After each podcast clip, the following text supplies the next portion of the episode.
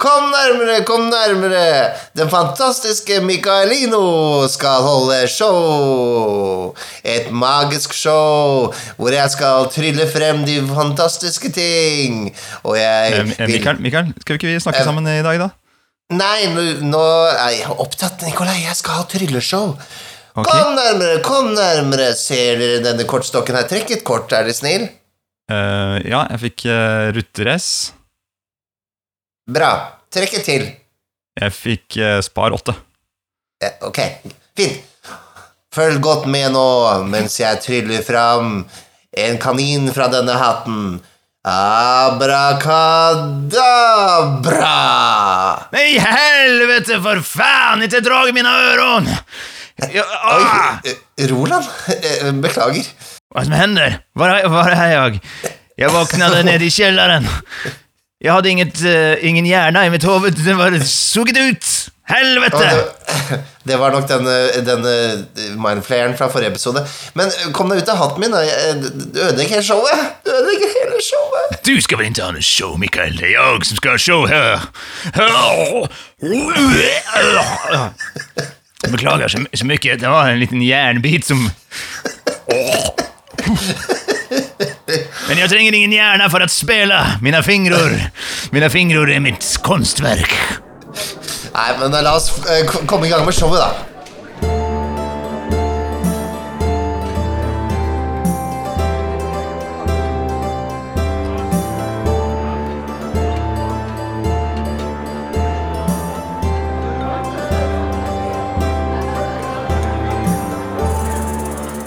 Hei og velkommen til Vertshuset. Mitt navn er Mikael Stensen Solien, og jeg har med meg min makker.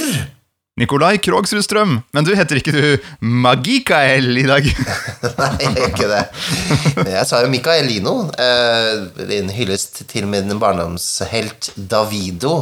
Han pleide å opptre på Bjølsendagene da jeg var liten. Han holder fortsatt på. Eh, Sist jeg så han, var jo han med på en sånn TV-serie Ja, det var, han var med på den der Nissene på låven siste sesongen. Det var veldig kult å se min gamle helt, da. Ja, så fint. Og han er jo en eh, magiker, og det er magikere det skal handle om i dag. De som kan eh, spinne trolldomsformularer bare ved et lite flikk med hånden. Ja, Hva er, ikke hva, er, hva er det egentlig? Hva er en magiker, Mikael? Hva er det her for en slags uh, skapning? Det er jo en som kan uh, bruke magi, da. Det er jo det det er en uh, I gamle DOD, iallfall helt i starten, så het det jo Magic Users. Ja, Det favner bredt. Det favner utrolig bredt. Um, og så har man snevra det inn mer med andre ord seinere, da. Uh, og hva er magi? Magi er uh, forklart på forskjellige måter. Kommer an på hvem du spør. Uh, evne til å forandre materie. Noen forklarer det som at du kan få fram en ting, men da stjeler du fra noe annet i verden. Si et tre dør et sted, og så for at du skal eh, kunne forandre virkeligheten, da. Eh, så alt ettersom. Forandre virkeligheten, ja. Det tror jeg er et fint stikkord. Det er jo virkelig sånn jeg ser for meg på en måte Essensen av magi er noen som eh, ja, fremsier noen ord, gjør noen eh, håndbevegelser, kanskje. Og så skjer Ja. det noe som ellers som eh, ikke kunne skjedd. Noe uforklarlig. Noe som er blitt forandret. Ja, ja. Mm. Og, og um, hva skal jeg si, det, du har jo forskjellige typer sånn magisystemer etter hva du Hvilken fantasy-retning du går etter. Um, så du har jo den, den vi har i DOD, da, som kalles jo da um, Vancian Magic. For etter etter uh, Vance, altså forfatteren av The Dying Earth. Okay. Hvor du har den der at du må eh, memorere, eller du må Du kan bare ha så og så mange besvergelser inni hodet ditt, da. Og så når du har, liksom eh, fremsagt en formel, så forsvinner den fra minnet. Så nå må du igjen lære dem på nytt, da. Det kommer fra, fra denne David Vance, kanskje? Jack Vance. Jack Vance heter han. Okay. Het han. Han er neppe levende fortsatt. Um, så ja. Det er ganske annerledes enn en Davidos magi, da. han kan det utenat. Det forsvinner ikke fra hodet hans når han har brukt det. Han holder det nok hemmelig. Det tenker jeg. Men du, har du eh, spilt noen magikerroller? når du har spilt rollespill? Nei, faktisk ikke. Jeg tror aldri jeg har spilt magiker. Jeg tenker at det er en litt sånn Jeg har ofte sett på andre som har spilt magikere, og da tenker jeg åh, de sitter veldig mye og blar i bøkene og skal finne en, en besvergelse som passer til situasjonen. Det er ikke helt min stil. Jeg liker, øh, jeg liker å være litt mer sånn i rolle. Hadde, eh, men, men jeg, har, jeg har prøvd å, å rydde opp i det problemet litt grann, med å um, insistere på at folk lager seg da egne sånne formularbøker, da. Um, med de uh, formlene de har tilgjengelig, sånn at det, det blir en separat bok. Eller, eller, eller, som er ganske nyttig, da, med, med fifth edition, eh, det er jo det at du har sånne spell cards. Sånn at, det, sånn at den, det blir litt mindre smertefullt, da. Um, Spell cards har vært essensielt de gangene noen av mine roller har hatt, eh, har hatt magi. Som de selvfølgelig har hatt i Dungeons Dragons. Men eh, jeg har, ikke, jeg har ikke tatt med å spille en magiker i Dungeons and Dragons. Og slett, Jeg syns det har vært for eh, intimiderende, eh, rett og slett. Jeg har tenkt at bare, ok, nå skal jeg lage meg en rolle, men jeg kan ikke, jeg kan ikke holde styr på alt det der. Jeg. Det, det, er liksom, det er for stort, da, hele det der magigreiene. Pluss at det, alle magiformlene er så innmari beskrevet ut. Da, sånn veldig spesifikke. Så jeg liksom blir redd for at jeg liksom låser meg veldig til all den teksten som følger med eh, magien. Jeg, jeg, jeg, tror, jeg tror jeg ikke hadde klart å være så kreativ med det og dra, dra i det, liksom. Det, eller det krever liksom et nytt nivå av uh, kreativitet da, for å, kunne, for å kunne begynne å lefle med det. Ja, jeg ser den. Det er en slags sånn prestisjeklasse, egentlig. Altså sånn Det krever litt mer, da, å sette seg inn i.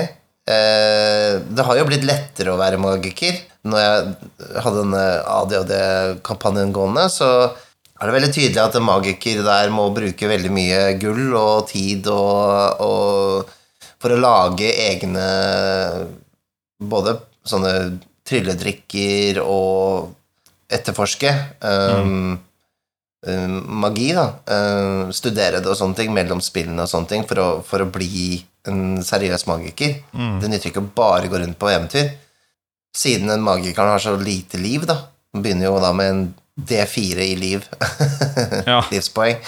Så blir jo egentlig gruppas ansvar å beskytte den magikeren og hjelpe til med å gjøre den magikeren sterkere.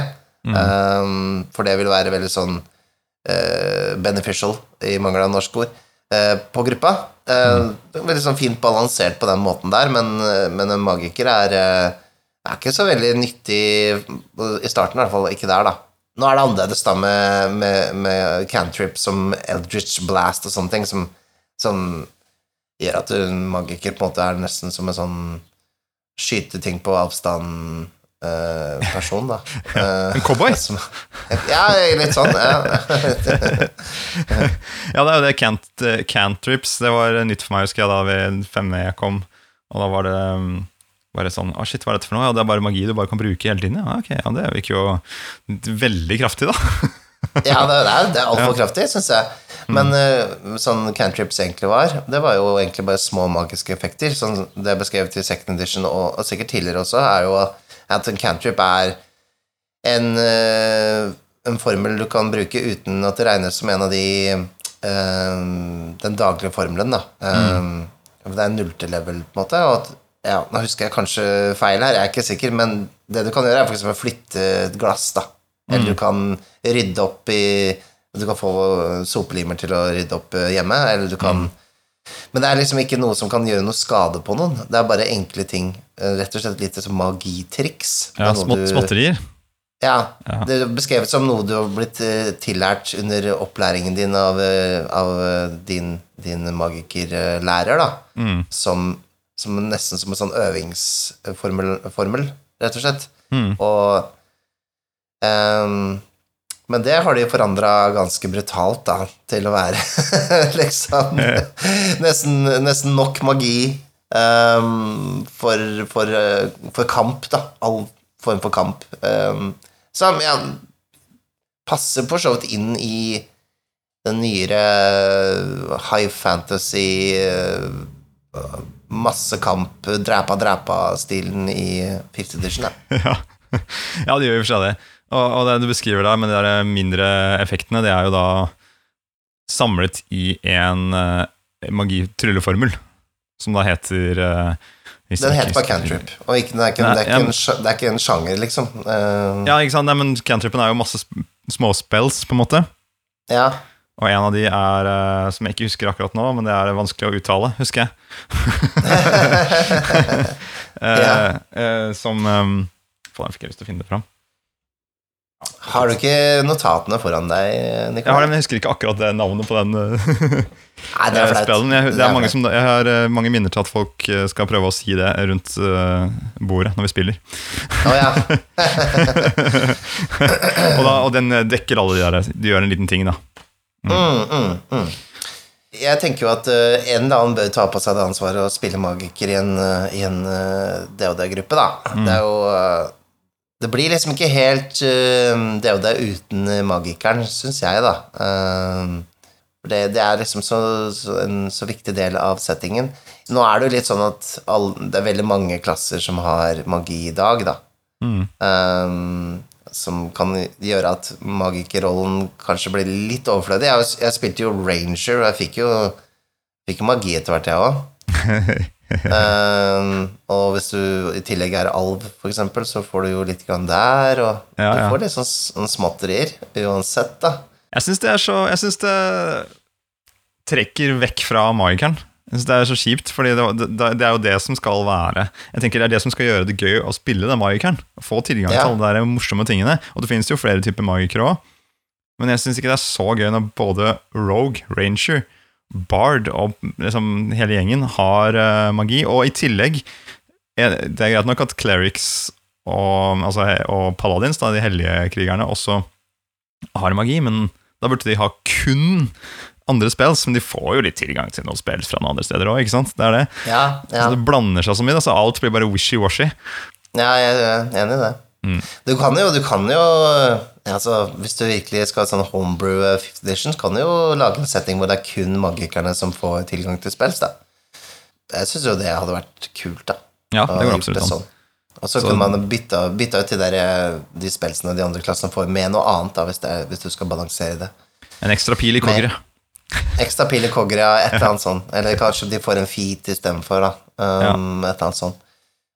Men uh, hvis jeg skulle skrevet om Fifth Edition, så hadde jeg gjort noe sånt, så jeg droppa cantrips. Uh, eller at cantrips faktisk var sånn som jeg beskrev i stad. At det er bare en uh, enkel Enkle sånne småting som du kan være kreativ med, da. Mm. Det er lov å være kreativ med det, men du kan ikke skade noen med en cantrip. Det er liksom, det vil ikke Iallfall ikke i stor grad, da. Så, um, men at det kan være kanskje å lukke en dør, da. Ja. Ikke sant? Alt småtteriet. Alt som kan skje liksom på, ved bordet. Et lite bord. Ja, jeg, jeg ser for meg det er litt sånn magien i, eh, i Vandrerne, hvor, eh, hvor, du, hvor du bare du finner på et eller annet, og så setter man en vanskelighetsgrad på det. Mm.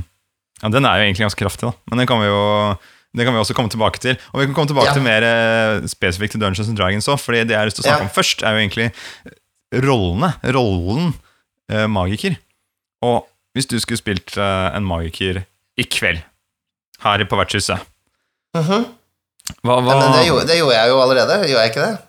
hva? Ja, spi, altså, det er jo i- magi. I introen? Er det han du hadde kommet til å være da? Hvis du skulle hatt en rollespillkveld her? Nei. Nei, nei, nei. Nei, jeg vet ikke. Altså, hvis jeg skulle spilt en magiker i kveld eh, Jeg hadde hatt lyst til å spille en, um, en magiker med, med ambisjoner, i hvert fall. Um, og så ville jeg um, Jeg ville vel spilt en magiker som, eh, som er litt sånn makthungrig. Mm. Som kanskje er litt fristet av eh, på en måte den makten, men at, jeg- at jeg kanskje blir konfrontert litt med hva det vil tilsi å, å ta det ut i, i liksom den uh, ekstreme retningen, da. Mm. Og um, la oss si kanskje, kanskje jeg har en læremester da, som har blitt en uh, lich, eller et eller annet sånt ting nå, Mm. og liksom eh, Jeg vet ikke, jeg, jeg syns det er litt interessant, for at magikere er jo sånn egentlig basically assholes. altså sånn For de er jo, for det første, de er jo liksom over alle andre. De kan liksom noe som, som De kan holde over andre veldig. Mm. Um, De har tilgang på noe som noe uvirkelig, på en måte. ikke sant? Mm. Som, som gjør dem liksom som litt bedre enn alle andre. Ehm, og, og den der greia med at du kanskje som magiker kanskje starter liksom blåøyd og, og, og tenker at liksom Dette her det er så kult, og det kan gå skikkelig gærent, da. Mm. Um, jeg liker også det at, at i en setting at magikere er litt sånn uh, Sett på som litt sånn uh, Ja, at de er sett på som en trussel, da. Uh, jeg jeg syns iallfall det er kult. Det er sånn Veldig inspirert av Dark Sun-settingen. Eh, det med at eh, ja, vi, kan jo ta det seinere også, men, men at liksom magikere er, er litt sånn eh, Ja, sånn som man ville sett på det i middelalderen, da. Ja, det er noe som er fryktet. Så du, så du på en måte Ja, du, vi, vi skal liksom starte en kampanje da, her på Vertshus i kveld, og da vi starter vi jo på første nivå. Og du er kanskje ung, litt ung og blodøyd, men eh, du, du har en tanke om at du driver med magi fordi du skal hevde deg. Du skal bli stor og sterk, du skal uh, ha makt. Mm. Men, men også litt sånn eh, Kanskje jeg, jeg syns magikere har fått et ufortjent dårlig rykte, eksempel, og jeg har tenkt å bli en veldig god magiker. Ja. Eh, jeg, tenkte å bruke, jeg, tenk, jeg tenkte å bruke makten min til det gode, Ja. ikke Men, sant? Har, men, men samtidig, jeg må ha makt for å bli god nok liksom, til å kunne hjelpe ordentlig, og der er jo den, eh, det skjæringspunktet, ikke sant? Den derre uh, the dark side eh, og the light side of the force, holdt jeg på å si, eller hva det Ja, men det er kult. og- Så da kan du allerede planlegge karakterbuen din, eller character Ja, ja, ja, ja, med at eh, å, jeg vil at det skal, jeg skal utfordres og trekkes litt i forskjellige retninger. eh, På, Mm. med tanke på å skaffe seg makt, eller å hjelpe, eller å ja, stå mellom Skal jeg hjelpe gruppa, eller skal jeg klare å få et trylleformular Mm. til? Liksom. Jeg tror jeg husker et, et um, øyeblikk faktisk fra Critical Role sesong to. Hvor det Mm. er Jeg tror de har eh, liksom, denne eventyrgruppa har brutt seg inn i et hus for å skaffe noe. Og så finner uh, magikerne i gruppa også en eh, sånn spell scroll, altså en, eh, en skriftrull med, hvor det tydeligvis er noe magi som han ikke har. Han er magiker Ah. etter magi, og da vil han bli igjen for å prøve å få med seg denne rullen. Det kan jo da avsløre gruppen, ikke sant? Hvis han har stjålet noe som kan oppdages. da, ikke sant? Det er, Ja. eh, han putter dem i risk, da, rett og slett for han vil ha det. Og da blir det en konfrontasjon mellom en i gruppa og han. Mm, ganske, mm. Det blir en kul situasjon da, med, som er liksom minneverdig. Ikke sant? Mm. Og det er jo, det er jo det er mye jobb å være magiker, da. Men jeg, jeg, jeg tenker jo tenker det kan være veldig kult. Eh, Så da vi spilte vår eh, lange DOD 50 Edition-kampanje, så var det Johannes Han tok jo det veldig på alvor. Mm. eh, Med å lage seg et eget eh, bibliotek og laboratorie og, og Mm. liksom virkelig han, han ble etter hvert eh, Han var på vei til å bli den der, den trollmannen i tårnet, liksom. Og det syns jeg er gøy, da. Ja, ikke sant? Men det er også veldig kult. Og jeg tror um, Jeg tror liksom Jeg tror mange må jo måtte velge den retningen, fordi man tenker jo om at man starter på første nivå. Og, og da er det naturlig å tenke at jeg er lærling og skal lære meg magi og alt sånt noe. Jeg tror Mm. jeg hadde, selv hadde hatt lyst til å spille Jeg har lyst til å spille det man tenker på når man hører ordet magiker, liksom. Eller Ja. trollmann, da. Så jeg liksom tror at jeg ville at gruppa skulle møte en gammel mann med hvitt, langt skjegg og sånn stor hatt, med spiss hatt med knekk på toppen, Mm. og som er litt sånn bærer på en stor bok, og så er det sånn ja, ja, ja, ja, hallo, hallo, ja, ja, jeg kan masse trylleformularer, jeg kunne, jeg kunne da i min tid, men jeg mistet jeg mistet den gamle boken min, så nå Må starte på nytt Jeg må starte på nytt. og derfor er han på en måte på nivå igjen. da Så han Ja, ja, ja. eh, skal eh, begynne å jakte på eh, nye formler. Da. Han har en tom bok som han har med seg, som han skal fylle opp. Og så er han jo senil og ikke helt god, ikke sant? så han eh, samler jo og sliter og sender av gårde noe. 'Nei, det var jo forrige gang, og dette er jo nytt, det stemmer det.' Så går det til helvete, ikke sant. Så ender det til slutt, tenker jeg, character-arken til, han, eh, til min eh, trollmann er at han enten blir kasta ut av gruppa eller bare dør fordi han eh, er for gammel og skrøpelig til å være med, egentlig. Eller blir veldig mektig, da. For, for det er jo litt sånn Altså, man i, I DOD så spiller man jo på en måte unge folk for så vidt. Og eh, det er jo litt, litt rart hvis du på en måte begynner med magilæren din når du er en pensjonist. Det, det er jo ikke så lett å liksom spille en sånn magiker etter reglene, da. Men uh, likevel jeg, ser jo for meg at uh, Nå tror jeg kanskje ikke det er skrevet så mye om i 50 edition, men det at når magi går galt, så kan det jo korrumpere kroppen. Altså iallfall i Dungeon Crawl Classics, som er et sånn uh, OSR-spill, uh, Gonzo OSR-spill, kan du kalle det, så er det som hver gang du liksom ruller én på terning uh, når du kaster en spill eller sånne ting, så kan du få liksom ja, et ekstra øye, eller du kan liksom Håret ditt blir hvitt, eller altså, du, altså Trollmenn etter hvert, da, eller mm. mages, eller hva du skal kalle det, de, de, blir mer og mer alien, rett og slett. Etter hvert så ser de ut som uh, rene monstrene, ikke sant, fordi de har uh, magi. Har feila litt her og der, ja. Ja, det er nesten, ja. Som, uh, nesten som sånn uh, kjernekraftverk holdt jeg på å si. Det blir ja. mutert så liksom, rett og slett etter hvert med, av magien. Og det, er jo, det syns jeg er jævlig stilig, da. Ja, det er kult, og det gjør de jo i Mørk Borg også. Ja, ja, ja, Hvis du, magien går til helvete, ruller en ener, så skjer det ting. Og Jeg husker, en, jeg husker bare én av effektene, og det er at du bare blir innhyllet i flammer. Og hvis noen prøver å ta vann på deg, så brenner det mer. jeg leste faktisk på den sist gang du spilte. Så sto det, Jeg tror du kaster i 19 eller noe sånt, så havner du i en eh, parallell dimensjon, og du må komme deg ut av den dimensjonen eller noe sånt, fordi ja, det, det er noen sånne syke greier, da. Og, og, og, sånn er veldig moro. Og det gjør jo at magi blir litt mer sånn risikabelt, da. Mm. Og skal så I den Dungeon Crawl Classic så jo, er jo hver besvergelse en tabell eller en, som du ruller på, og mm ut ifra hva du kaster, da, så kan jo da eh, magien bli veldig sterk, eller kan gjøre akkurat det du vil. Da. Så det, du kaster en fireball, det kan jo være at du faktisk kaster en fireball, eller så kaster du ti fireballs som bare Hva faen?! Ja, ja, så, så, har du brent ned hele landsbyen, liksom. Så det er jo uh, Jeg tenker det er kult Jeg synes det er kult at uh, magi er, liksom, det er risky shit, da. At uh, Du lefler jo med noe som ikke skal være en vanlig jordisk uh, greie. på en måte Og ja. det, at det, det, at det, en liten stavelsefeil eller noe sånt noe, eller en liten håndbevegelse på, på snei gjør at det plutselig skjer en litt annen effekt, det er jævlig ja. kult. og det har jo også da, den infamøse summon-spellen fra Lamentations of the Flame Princess. Altså okay. Det er jo et OSR-spill, så det er jo altså, De fleste uh, formlene der er akkurat som i DOD, nesten.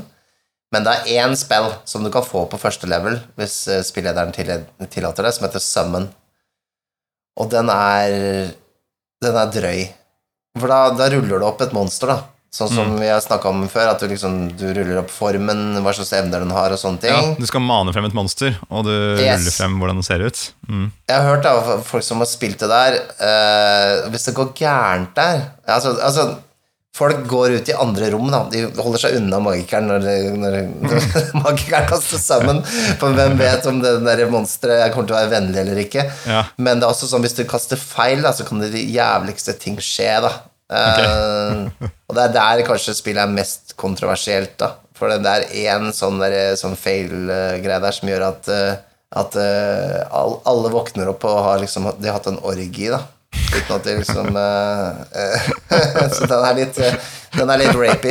men altså, det er sånn Ja, det, det, får være det. Det er jo Edgelord, the rolltime game. Så, men, men en ganske inter interessant spill uansett. Da, sånn at du liksom du vet ikke hva slags monster du fremkaller fra den andre siden i det hele tatt. Det er helt opp til ternekastene, og det er jo, det er jo ganske kreativt, syns jeg. Ja, men Det syns jeg passer litt òg. Det er jo du, du, skal inn i en annen verden og hente ut noe, og så vet du ikke hva som, hva som står ved siden av døra. Liksom. Det, så det er kult. og, det at, og, det at, den andre verden er liksom utenfor, uh, utenfor all liksom, logikk, da. Så det ja. du drar fram, kan være rett og slett uh, totalt uh, alien, uh, og er også egentlig ganske stilig. Jeg syns jo det at uh, sånn sett ja, Det er kanskje litt det der som du sier med det med formler og sånne ting, at de, ting er skrevet ut så fælt at det, mm. du, du, du syns kanskje det blir litt, litt lite kreativt um, på den måten. Eller at du må finne kreative måter å bruke det som er skrevet ned på, da. Um, jeg, jeg, jeg, skulle ønske at, at man hadde gått litt bort fra den derre direkte spells, da. Mm. Så, og heller kunne si at flammer det er en, det er en besvergelse. Og så er det opp til deg hvordan du bruker flammer, da, rett og slett. Mm.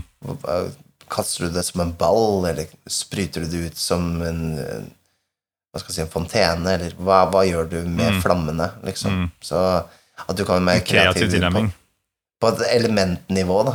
Um, og Men, men. Det, men det er også ryddig, da, å ha det som besvergelser. Uh, også Kontrollerbart, da, på et vis. For det, du får veldig bonus for å være Altså Hvis du er en kreativ type, så er du plutselig en jævlig mektig Ja. magiker. Ah, herregud, denne levitate-spillen til Johannes. Husker du det? eller? Sånn når eh, alle de monstrene vi slåss mot, som har kasta levitate på, som bare da blir hengende oppi taket. Ja, han har alltid, sånn... kjempet alltid mot de oppi i taket. Stemmer det. de var stuck. den, den var litt overpowered. Dere brukte, når vi spilte Mørkborg eh, sist, så brukte dere også Levitate, en slags leviteringsspill. Ganske kreativt. ja. Og, det, og så Herregud, fy fader, vi har det så gøy med det spillet nå. Uh, ja, vi, vi hadde jo en Vi hadde sagd ned et tre, eller vi hadde egentlig stjålet et tre. Ja. Men uh, en svær sånn Og du kan se for deg sånn Redwood-tre da fra USA. Ja, Eh, i den- gigantisk tre. gigantisk tre som vi hadde frakta med oss med noen hjul og en vogn og sånne ting.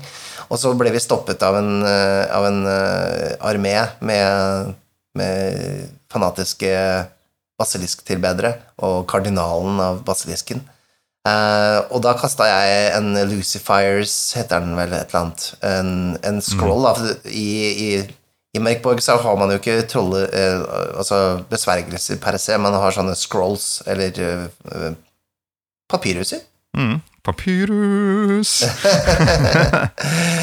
eh, som man kan lese opp, da. Og um, da fikk jeg den trestammen til å levitere, og så gikk da Tore Edvin sin rolle bak eh, den, eh, den stokken, og mens det leviterte, og kastet en flammekule som skøyt fart på den derre Han kasta over 20, gjorde han ikke det? Ja, han, Sånn- kastet, han fikk jo 20 av på terningen. Han skulle sende Ja. en sånn ildkule bak der, ja. Ja, for å få gi den fart, da, og så, og så, og så skyte den mot eh, den eh, lille hæren foran oss. Ja. Det gikk jo så bra, så vi eh, Du rydda godt opp i vellinga der. De sto jo på en bru. Det var ikke så det var jo liksom Det var den kanonen. Det verste greia. Mm. Nei, det, var, det var jævlig kul bruk av det. Var, det er ikke så ofte det, er vel kanskje første gang omtrent dere har lykkes med noen rull. så det Ja, var jo, når dere da klarte to på rad og fikk en 20, så da må det ha litt effekt. Ja, ja, men det var kjempegøy. Det, det, det, det var en kreativ bruk av, eh, av besvergelser.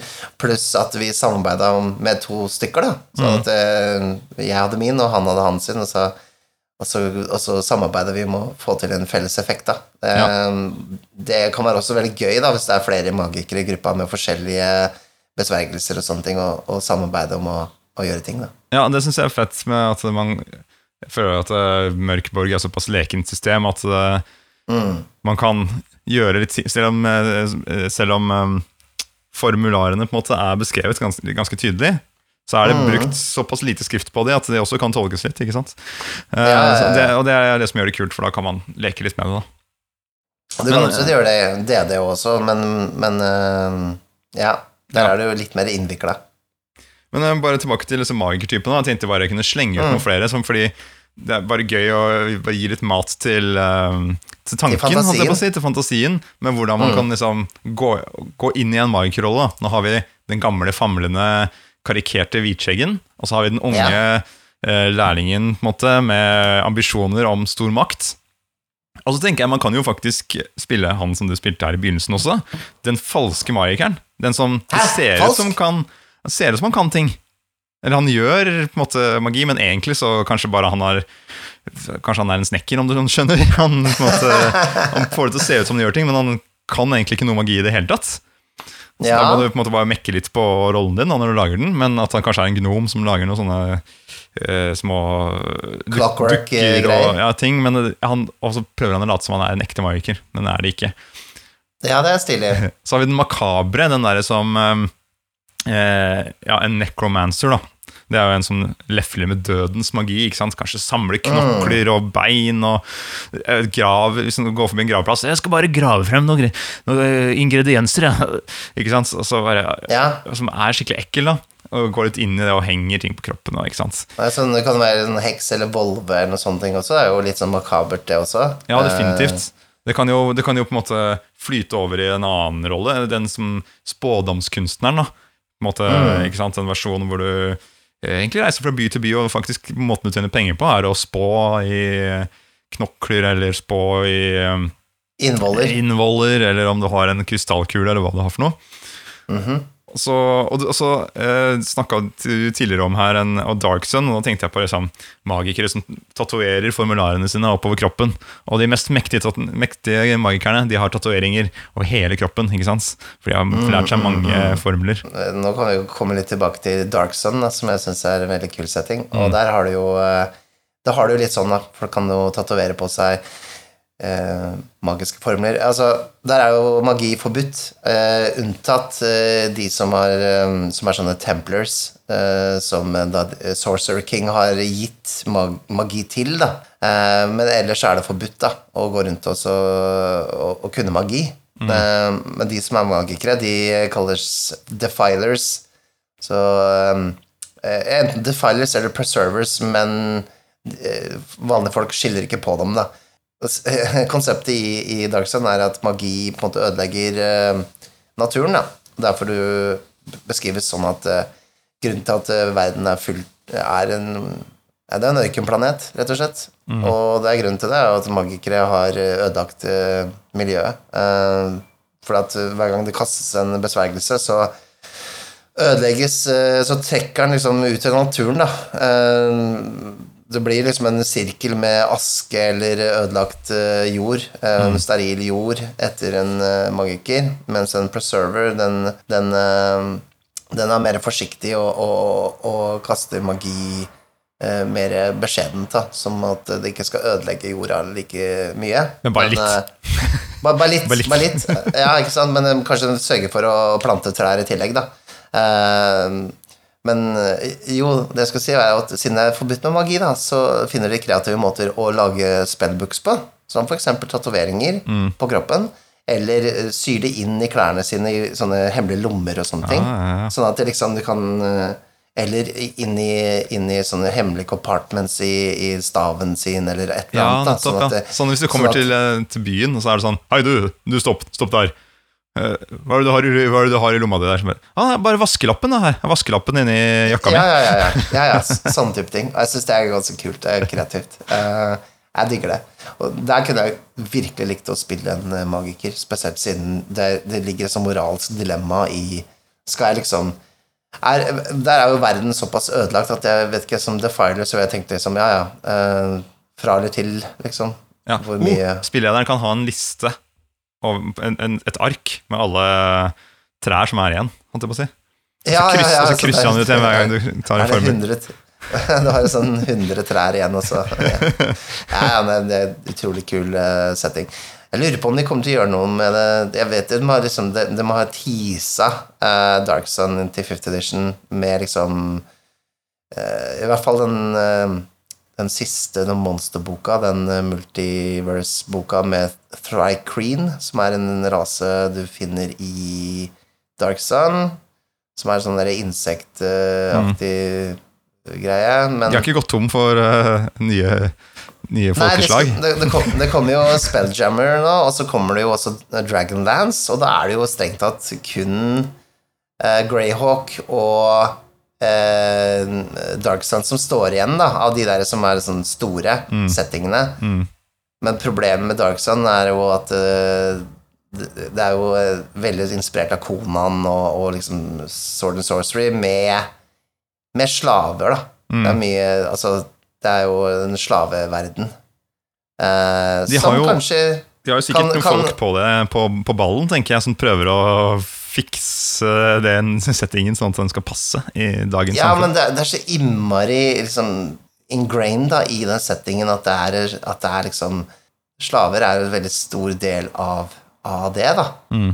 Som igjen kan være litt sånn politisk ukorrekt i 2022.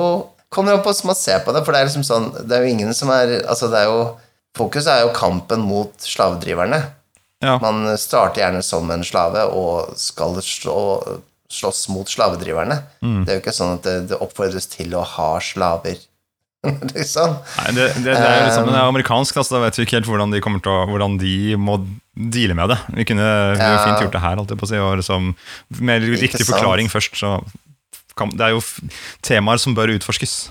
Sånn. Ja, jeg er spent på om de kommer til å gjøre det. Jeg vet det finnes en uoffisiell 5th edition-versjon av Dark Sun som folk har laget. Eh, men så er det liksom eh, Passer egentlig 5th edition til den formen for eh, rollespill da, som du får i Dark Sun? For det skal jo være Det, det var liksom uh, veldig sånn ADHD hardcore mode.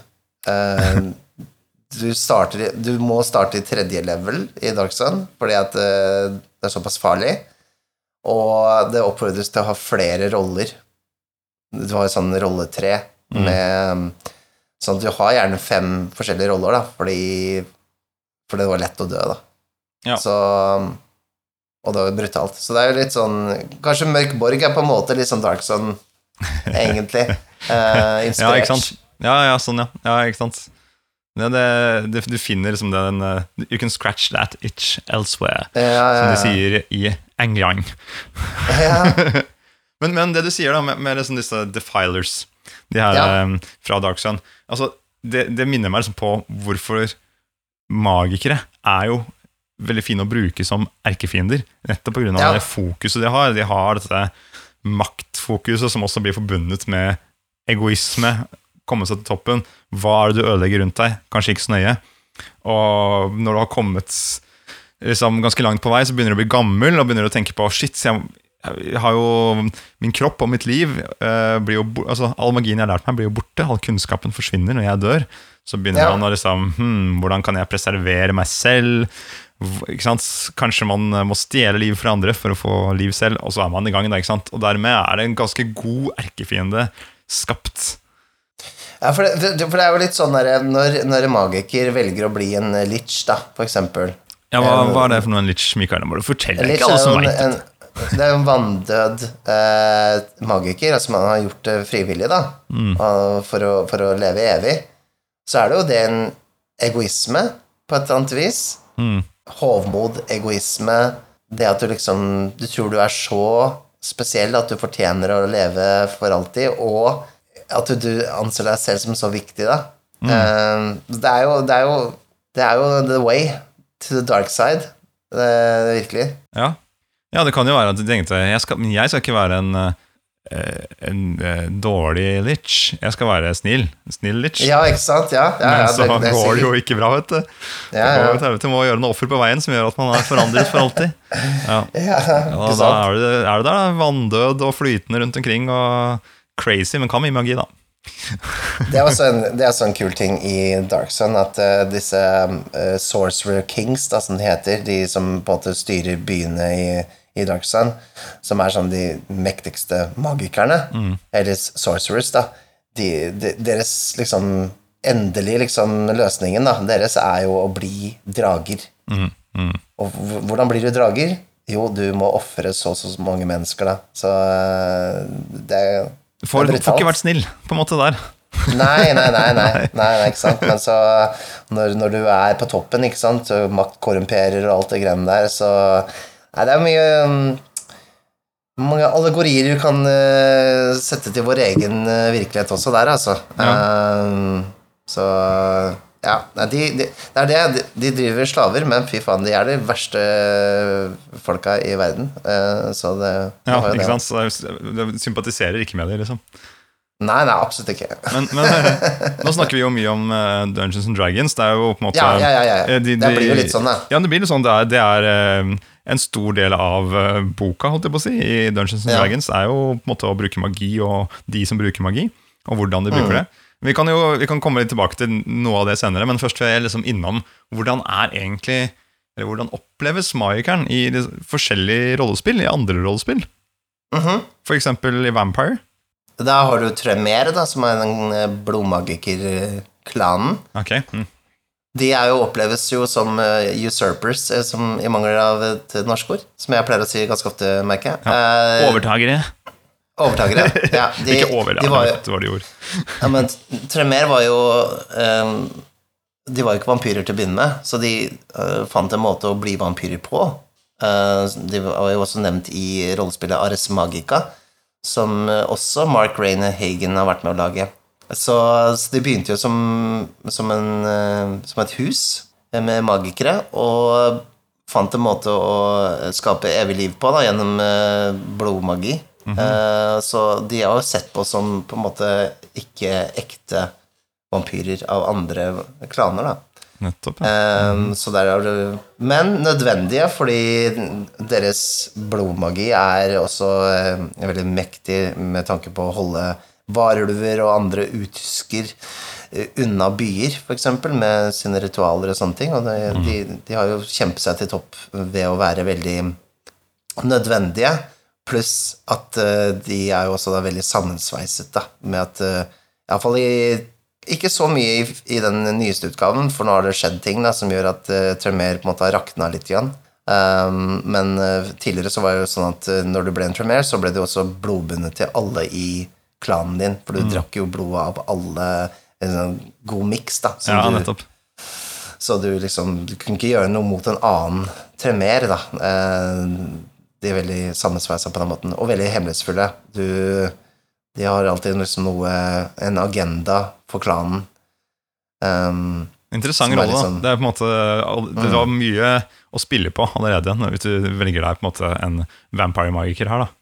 Ja, ja, det, men det som også er Det med å spille en tremere er også at du er veldig bundet til ditt Til uh, chantry ditt, som det heter. Altså sånn magikerhuset til tremere i en by, og så deres agenda, men du må også uh, manøvrere liksom byen og prinsen og alt det politiske spillet der i tillegg, da. Så det kan være ganske interessant. Mm, mange kan kanskje si at man blir litt låst når man spiller Tremere på den måten, men det, jeg syns det kan være ganske spennende, da. Spesielt hvis du sjøl har en annen agenda enn de to. Så- Så, er det tre retninger du trekker i. For riktig person så kan det sikkert være bra å spille. Veldig kult, ja. Mm, mm. Og så har du jo Vandrerne, et spill vi har nevnt flere ganger, av Øyvind Stengrønne, norsk rollespill. Yeah. Og der har han jo på en måte destillert magi ned til eh, liksom en bare essence. Og det, han eh, har jo lagd av et system hvor eh, all magi er å fremsi et maktord, på en måte, og så, skal, og så skjer det hvis du klarer rullet ditt. Da må, Du må kunne på en måte samle det i ett ord. da. Brenn, hopp, ikke sant, whatever. Eh, Og så kommer magien ut. Og vi har jo testa det litt i, når vi har spilt Vandrerne eh, på Vertshuset spiller. Og Mhm. også da vi spilte eh, på Tilt live. Mhm. Og jeg syns det er en morsom måte å bruke magi på, da. Uh, og selvfølgelig prøvde jeg å overpowere den Da spilte jo jeg magiker. Uh, Doris? Doris, som da har full pott på magi-kontoen. Liksom, siden Ja. den er jo såpass eh, ja, Hvis man er litt kreativ med den, så kan man jo bruke den til alt. ikke sant? Da, da dekker den over det at kanskje man ikke er så god til å kjempe, eller ikke er så god med teknikk. da. Eh, og så vet jeg også at eh, Øyvind har snakket om at han eh, har sett dette utfolde seg, og kanskje tenker å putte inn en liten tilleggsregel da med hva skjer hvis magien feiler. ikke sant? En liten tabell hvor, Ja. det, hvor det blir litt mer risky da, hvis det går til helvete. For det, det er jo litt eh, Ja, det er jo litt morsomt, for at eh, rollespillet beskriver jo magi eh, At alle på en måte har tilgang på magi. Mm. mens boka han skrev, den Røde manke, eller hva Mm, heter det? Rødmanke. Som er en roman satt til Vandrerne-universet, så er jo magi ikke så vanlig, da. Så jeg tror iallfall i neste utgave av Vandrerne så vil nok det være mer Altså Grunnen til at folk ikke bruker så mye magi, er risikoen. Mm. Ikke sant? Altså Den er tilgjengelig eh, for noen spesielle, og spesielt vandrere, men at det er større risiko. Derfor jeg også la inn det det eventyret spilte på Tilt, at eh, magi var måte forbudt da, Mm. på den øya dere besøkte. Mm. Um, for å gjøre det litt mer sånn For jeg, for jeg, jeg tenker jo Sånn som verdensbygging og sånne ting, så er jeg veldig opptatt av liksom, hva er konsekvensen av disse fantasitingene. Ja, Sånn som, sånn som for eksempel Jeg har tenkt mye på den resurrection-spill i, i, i Dungeons and Dragons. Det er mange som sier at i en verden hvor resurrection-spill er vanlig, så hva er vitsen liksom med sykehus, eller hva er vitsen med eh, Hvordan håndterer man død, for eksempel, da? Og så, og så tenker jeg sånn Ja, men eh, Ja, det kommer jo an på hvilken Jeg husker ikke hvordan det er i 50 edition med Resurrection-spill, men iallfall i tidligere utgaver så var det sånn at hvis du gjør en Resurrection-spill, så kaster du en terning for å se hvor mange eh, leveår du mister Mm. som den som kaster spellen. Da tenker jeg sånn Hvem, hvem ville gjort det da? Hvem, hvem ville være villig til å ofre sitt eget År av eh, sitt sånn- eget liv, ja. år av sitt eget liv for å redde noen andre? Da ville du kun gjort det ut av pur kjærlighet da, til noen. Det skjønner sånn hva jeg mener? Mm. Altså til og med eh, Hvis du hadde hatt en magiker med Resurrection- resurrection spell i gruppa, så ville det vært sånn Elsker jeg egentlig eh, Gingalin så godt at jeg har lyst til å leve D6 år mindre, på en måte? Ja, Eller eh, Og der var det sånn begrensning på hvor mange ganger du kan bli resurrecta. ja. Altså, der var det også sånn Jeg husker ikke helt hvordan du regner ut, men jeg tror det har noe med, med con-verdien din, da. Så, så det å begrense det litt sånn Jeg, jeg syns det er mer eh, interessant da, når det er en eh, risk reward i magi, da. ja. Nå, nå vrei du det inn til Dungeons and Dragons igjen, Mikael. Er vi som snakker om vandrerne. sånn. Ja, jeg beklager, men eh, vi, vi vandre, Vandrerne eh, Det var jo den risk reward-greia som jeg Du har jo også en risk reward i Vandrerne med at du, du kan bruke livspoeng for å For å gjøre magi også. Du kunne miste litt liv hvis du mangla poeng for å, for å treffe, var det ikke sånn? Det? Du, ja, det var noe sånt. Jeg husker ikke akkurat Ja. Mm. Men du, du, kan du, har- du har jo forresten Du har jo spilt mange forskjellige spill. Har du spilt Aris Magica noen gang?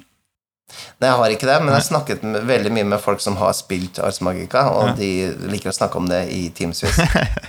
uh, Ars Magica er jo et uh, Hva skal jeg si, nesten sånn historisk spill. Uh, det er veldig, veldig basert på middelalderen, og bare med den lille caveaten at uh, magi og det vi trodde om middelalderen med magi, faktisk eh, er sant, da. Men så Hvordan er magikeren i Ars Magica, da? Eller kan du si noe om det? Det- Den er veldig basert på historiske nedtegnelser og sånne ting, så det var, det var hus um, Forskjellige hus, da, blant annet Tremere, da, som som, eh, som eh, Covenants heter det kanskje. Eh, Jeg, altså, jeg har aldri spilt Ars Magica, jeg har bare hørt om det, og jeg hører at, at det er ofte veldig lange kampanjer, og, og så har du sånn Ja, Ars Magica introduserte noe som heter Troop Style Play. Det vet jeg. Ja, det har du snakket om før, hvor man har en som en Mm. familie, og så plukker man litt hvilken rolle man vil spille den gangen. Ja, ja, ja. Du spiller jo ikke bare magikere, du spiller også tjenerne til magikerne, og liksom de som kanskje ikke kan magi, men som, som følger med som eh, beskyttere av magikerne og sånne ting. Da. Så, Men det er, det er sånn hvis du, hvis du virkelig er en historiebuff og, og ønsker å liksom spille et troverdig eh, middelaldersk spill, eh, men med magi, eh, som man trodde det var, så, så er det liksom greia, da. Um, det, det har vært Det var veldig pop, det var populært en gang i tiden. Nå er det liksom mista det, det er ikke Man snakker ikke så mye om Ares Magica lenger. Jeg tror det er Jeg husker ikke om hvilken utgave det er i nå, om det er femte eller sjuende utgave, men det er iallfall Det er vel et av de spillene som Atlas Games fortsatt uh, gir ut, i hvert fall. De har en Så- følgerskare, de også. Ja, ja, ja. Og så er, det et, det. og så er det jo et spill som heter Mage, og der må det vel være mye magikere, eller? Der er det bare magikere, så å si. Det, Mage er jo World of Darkness-varianten. Uh, og da jeg fortalte om det der om at uh, for å skape noe, så, så må du måtte ødelegge noe en- et annet sted i verden, det er jo talt fra Mage, da. Okay. En viktig ting der er paradokset. Du må på en måte Det er litt sånn som The Masquerade i, i Vampire, at du kan ikke faktisk vise den magiske effekten til mennesker, for da skaper du et paradoks, på en måte. En, en slags uh, virkelighetsglitch, da. Mm. Uh, som, som på en måte kan ødelegge det space-time continuum. Så du må være altså, Du kan ikke bare dra et eple og så dukker det opp i hånda di, liksom. Du må, du må ta det fra innerlomma, men du kan skape det i, under frakken, liksom. Men, men eh, det kan ikke bare dukke opp, for da det fucker opp hjernen til folk, og du liksom Du blir eh, det kan skape masse greier, da. Um, det, det, det er stilig. Det, det, det liker jeg veldig godt. Og det er også magikere på en måte litt sånn uh, uglesett, da. Uh, de må jo operere i, i skyggene. De kan ikke De kan ikke gå rundt og være David Copperfield, liksom. Hvordan er det Du har jo også spilt litt uh, Vesen Ja, og in Space. Du kan jo ta de også. De er jo liksom fra samme uh, spillforlag, er det ikke det? Altså fra Fria Ligaen-gjengen. ja for så vidt. Det altså, Fria Ligaen har laget Vesen. Uh, Death in Space er vel Stockholm Kartell, men Ja, sånn er distribuert av Fria Ligaen, for å være helt korrekt. Jaha, oh, unnskyld meg. Mest. I Vesen så har du ikke så mye magi, da. Eller så magien er jo sånn folkemagi. Um, så øh, Jeg kan jo forklare hva Vesen er. Vesen er på en måte øh, Asbjørnsen og Moe og The Role Playing Game. Um, I Sverige. Men I Sverige. Så det er, jo, det er jo troll og det er nisser og sånne type ting. Man spiller øh, etterforskere. Um, eller man spiller folk som kan se de underjordiske. Og det har gjerne blitt trigga av en eller annen traumatisk opplevelse tidligere i livet. Og man er et såkalt torsdagsbarn, da. Altså man eh, eh, Det er det man kaller disse. Kult. Og eh, Veldig svenskt. veldig svensk. Ja. Det er en plate som heter Torsdagsbarn. Jeg husker ikke hvem som har gitt ut den. Er ikke Mandagsbarn? Ja, det er Veronica Maggio, det. Ja. Er det ikke det? Ja, uansett, det er ikke den. Men det finnes en plate som heter Torsdagsbarn også, men en annen artist. Uansett, da. eh, der er det jo mer at man skal finne ritualer for å eh, hjelpe vesenet til Eller uh, bandlyse vesener. Så ritualmagi er jo definitivt noe der. Du har jo også okkultister som kan spille som kan se litt inn i krystallkuler og sånne ting, men magien der er jo veldig subtil, da.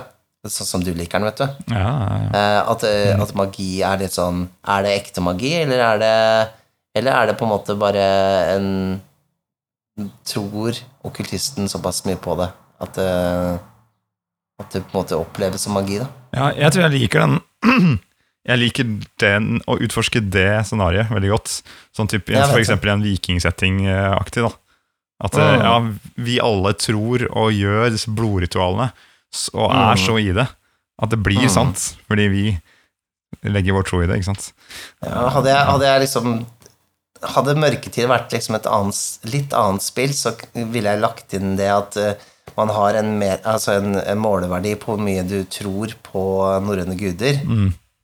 Sånn at eh, La oss si du feiler da, på en eh, magisk rull, da, så mindre og mindre tror du, og da er det vanskeligere og vanskeligere å få til effekten. Eh, men effektene er alltid sånn eh, De er aldri fantastiske i utseendet, men Mm. at ting kan skje, da. Liksom, ja, det blir bedre vær, det blir ehm, Du får til det, men det er ikke sånn at du ser det som noe annet enn natureffekter, ikke sant? Nei, men du kan få blodlyst, ikke sant? eller du kan føle at du er usårlig. Mm. Og dermed så agerer du som om du er det. Eh, sånne Ikke sant? Ja, ja, ja. ja. Men eh, så ble det ikke det, det spillet, da. Det ble jo mer eh, lyn fra himmelen og liksom alt det der. Ja. Men jeg liker det, jo. Ja, ja, ja. ja. Også, Begge deler er kult. I Death in Space er det noe magi der, da, Mikael? Ja, du har Men er det direkte magi? Hva er det? Det er uh, i Death in Space, som er et science fiction-spill. Uh, veldig gritty eh, dommedags uh, science fiction-spill. Så, så har du da Void. Um, du blir påvirket av det intet som sluker universet, rett og slett. Fordi uh, nå har universet slutta å ekspandere, det har begynt å komprimere. Og det som er utenfor, det som sluker universet, det kalles for the void, da. Eller intet, eller hva du skal kalle det. Sånn at eh, du får noe som heter void points, som du kan få sånne mutasjoner som, uh, som fungerer litt som magi, da. Men det er også litt sånn Det er en sånn psykadelisk form for magi, da. Mm. Du kan kalle det liksom setting Altså sjangeren for weird sci-fi, på en måte, Mm. ut ifra det. Um, så ja, det er, en, det er en form for magi, men det er forklart med sci-fi-termer, på en måte, eh, som jeg syns er litt stilig. Kan også nevne Numenera, Ja. eh, som hvor, hvor det er sci-fi, men det er sånn sju milliarder år inn i fremtiden. Altså på jorda, hvor det har vært mange, mange menneskelige sivilisasjoner som har eh, blitt veldig høyteknologiske, men så har det falt, og så har menneskeheten jobba seg opp igjen mange, mange ganger. Sånn at all den teknologien fra fortiden For nå er jo verden liksom i mer enn sånn middelalderstadie. Mm. Så finner disse artefaktene og eh, effektene da, i sanden eller i gamle huler og sånne ting. Og det oppleves som magi, da. Ikke sant? La oss Ja. finne en, eller annen, eh, en, en eller annen dings da, som sender ut nanobotter, ikke sant? Mm. Som forandrer et eller annet, ikke sant? Så oppleves det som magisk. Um, så du har en egen sånn magikerklasse der, som rett og slett er en tech wizard, rett og slett. Og det, den eh, tanken der liker jeg også å lefle med. Det er den der at eh, du kommer fra et sted, det er ekte. Du har Mm. forklart magien veldig godt. da. Det er jo som, Du kan tenke deg de som eh, vandret rundt i, i Frankrike og i middelalderen, liksom. Tidlig middelalderen. Og Mm. plutselig møter de på bare gigantisk byggverk. En sånn akveduktgreie. En sånn der bru som frakter vann, liksom rester av det. Og bare Mm. Ja, men det der kan ikke noen mennesker ha laget, liksom. Så Ja, er det fra det er det, fallende Rom. Mm. Ja, ikke sant. Jeg, bare, jeg tenker jo så, jeg så en video for ikke så lenge siden. Det var noen uh, innfødte i Amazonas som ser en hvit mann for første gang. Mm. Og den uh, Med en gang så bare det er spøkelser, ikke sant. De, Ja. de, de, de klarer ikke helt comprehende at liksom folk ser sånn ut. Da. Så det er jo det er jo interessant da, hvordan man møter liksom, noe ukjent og uh, reagerer på det med liksom Man må forklare det. altså Mennesker må forklare ting. ikke sant? Vi har behov for det. Så man Det er jo derfor religion finnes, antageligvis. Så Men vi kan ikke gå videre uten å snakke om Call of Cthulhu! Åh, Call of Cthulhu. Åssen er det med magi der, Ja. Mikael?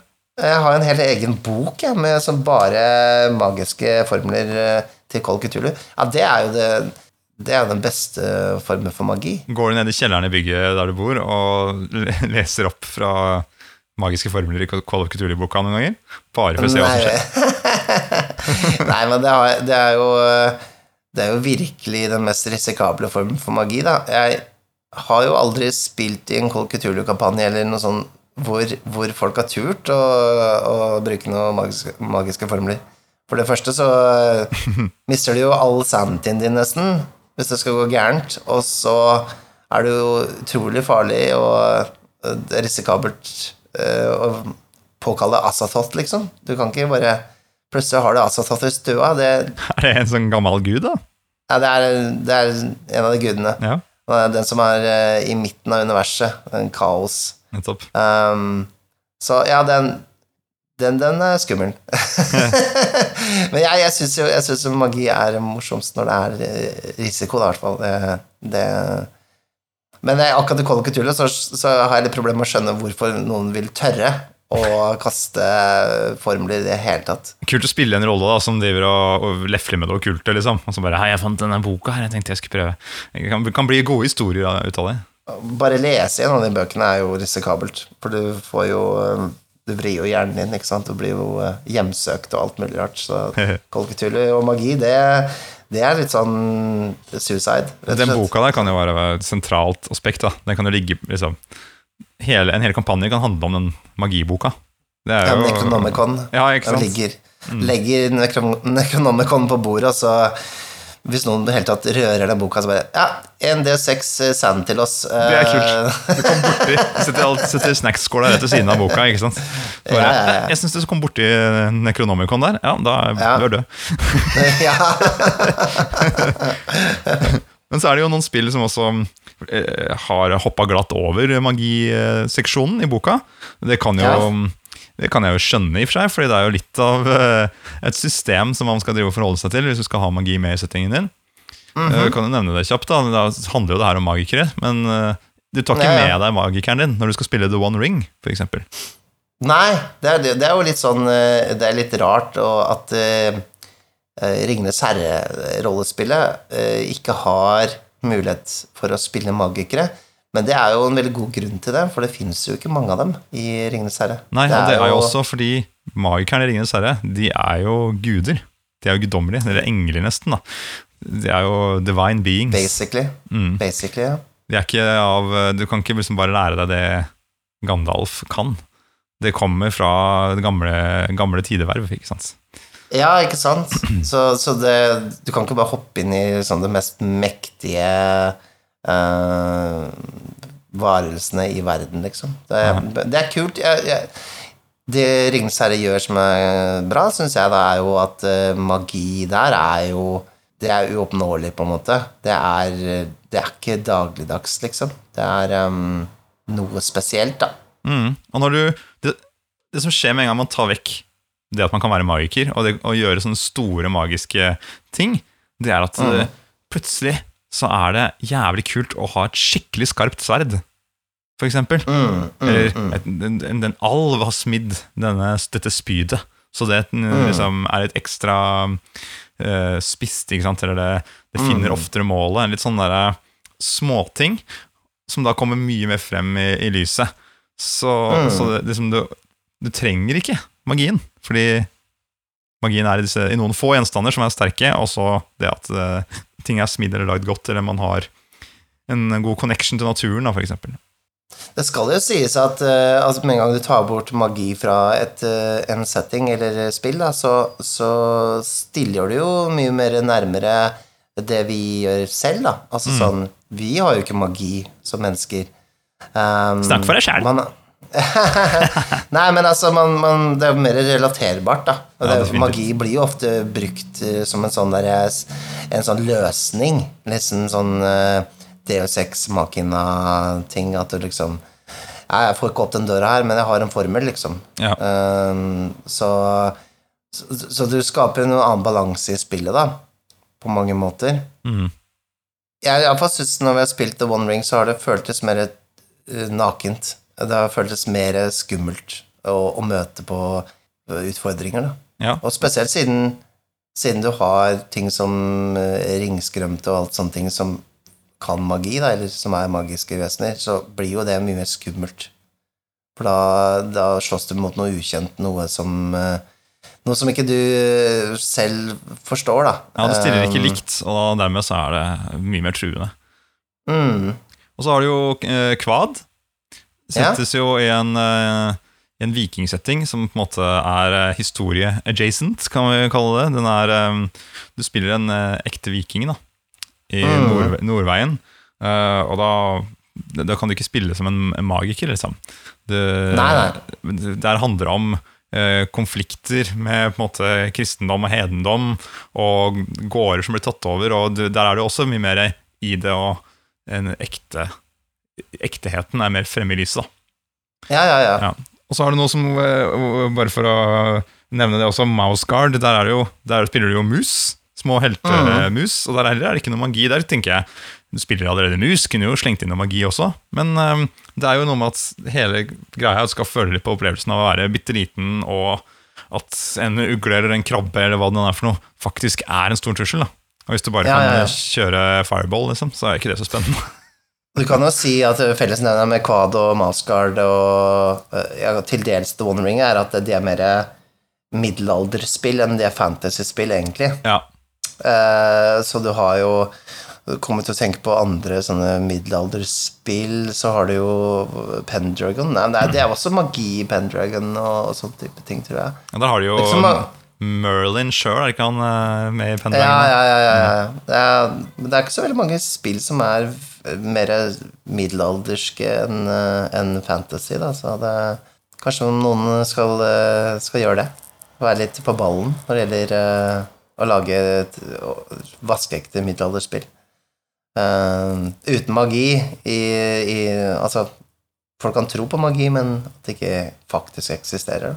ja, altså Jeg blir ikke med og spiller. Nei! Nei da. Men uh, vi har jo vært innom Nå har vi, vært innom, eh, nå har vi snakka litt om andre rollespill en stund, men nå må vi tilbake til gode sluggeren, må vi ikke det? Dungeons and Dragons. Fordi jeg tenkte vi bare kunne Vi trenger liksom å få satt et par eh, Skrevet et par ting i stein her nå. Og det er liksom bare Jeg har tre forskjellige magikere til deg her nå, Mikael. Ok. Og så må vi prøve å gi de norske navnene, da. Men eh, da har vi det som kalles for en wizard. Ja. Og det kaller jeg bare en magiker, rett og slett. Det er en som skaffer seg lærdommen sin om magi fra bøker. Det er egentlig det vi har snakket mest om. Du Ja. må trene og lære og gå på skolen og være litt Harry Potter, rett og slett. Altså sånn, gå på en magiskole, liksom. Rinswind. Ja, alt det der. Eh, og, og det er liksom, så da har du wizard, eller magiker. Og så har du de som har en iboende magisk kraft inni seg. Kommer fra et eller annet sted. Kanskje de har en eh, et eller annet magisk vesen lenger oppe i familietreet sitt. I alle fall så De kan bruke magi uten å ha lært seg det nødvendigvis fra en bok. da Ja. Det kalles da en sorcerer i Dungeons and, Dungeons and Dragons-universet. ja. Hvordan oversetter vi det til norsk? da? Jeg tenker heks eller trollmann, for min del. Det er liksom kommer, Hva tenker du, da? Jeg føler ikke det var et riktig ord, men uh, Trollmann, da tenker jeg med en gang med de, bøkene. Eh, Heks har vel gryta si og sånn. Mm. Så, men jeg har også sett hekser med, med, med bøker.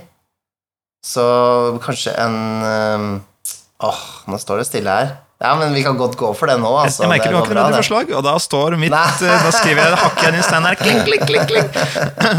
Og så har du da den tredje eh, delen her. Da har vi de som får sin magiske kraft fra en demon eller en utenomjordisk skapning. Og de kalles da en warlock. Og de har jeg valgt å kalle for heksemester. Yes. Mm, og det, Det er er et Det kult et ord. kult navn. Ja, ja, ja. Uh. Og, og da, da er det litt sånn derre Du bindes til denne dette vesenet, dette utenomjordiske, kraftige vesenet, og Ja, kanskje må gjøre noen gjentjenester, da. Byttehandel, for at du skal få din makt. Ja. Og så tenker du kanskje Har du ikke glemt noen, Nikolai? Hva med de som har sånn naturmagi, da? Og kan gjøre seg om til kattemennesker og alt mulig rart? Druider? Ha, nei! Nei! De er ikke med! De skal ikke få lov til å være med her! De er ikke noen jævla magikere! De er noe annet! De er noe eget! Få de vekk! Ja, få det vekk. Ja. Det kan være en egen episode hippies. om druider med sine Ja, hippie... ja. Og så har du rangers som har noe magi, og så har du uh, rogues som har noe magi på et tidspunkt, og det er Ja, ja, whatever. Men vi snakker om de som uh. Hvor det er, det er hovedgreia. Det her, jeg, jeg- jeg setter disse tre opp, rett og slett. Og så trodde du det var ferdig der. Tenker jeg, nå har jeg oversikt, tenkte du. Endelig. Ja. Så deilig. Men nei da. Fordi hvis du går på magiskolen, da, som en wizard eller magiker, om du vil, eh, så fins det jo åtte forskjellige eh, magiskoler som du kan studere. Ja. Ja. Du har abjuration. Det er forsvar, eh, forsvarsmagi, motstandsdyktighet og sånne ting. Så har du conjuration, som er fremmaning av skapninger. Du har evocation, som er liksom skade fra elementene, f.eks. en fireball eller lightning bolt. Eller så har du transmutation, som kan endre de eller de rundt deg. F.eks. gjøre deg raskere med haste, eller få deg til å fly med fly. Og så har du divination, som er en magi som brukes til deteksjon og informasjonsinnsamling. Finne ut om ting om verden rundt deg.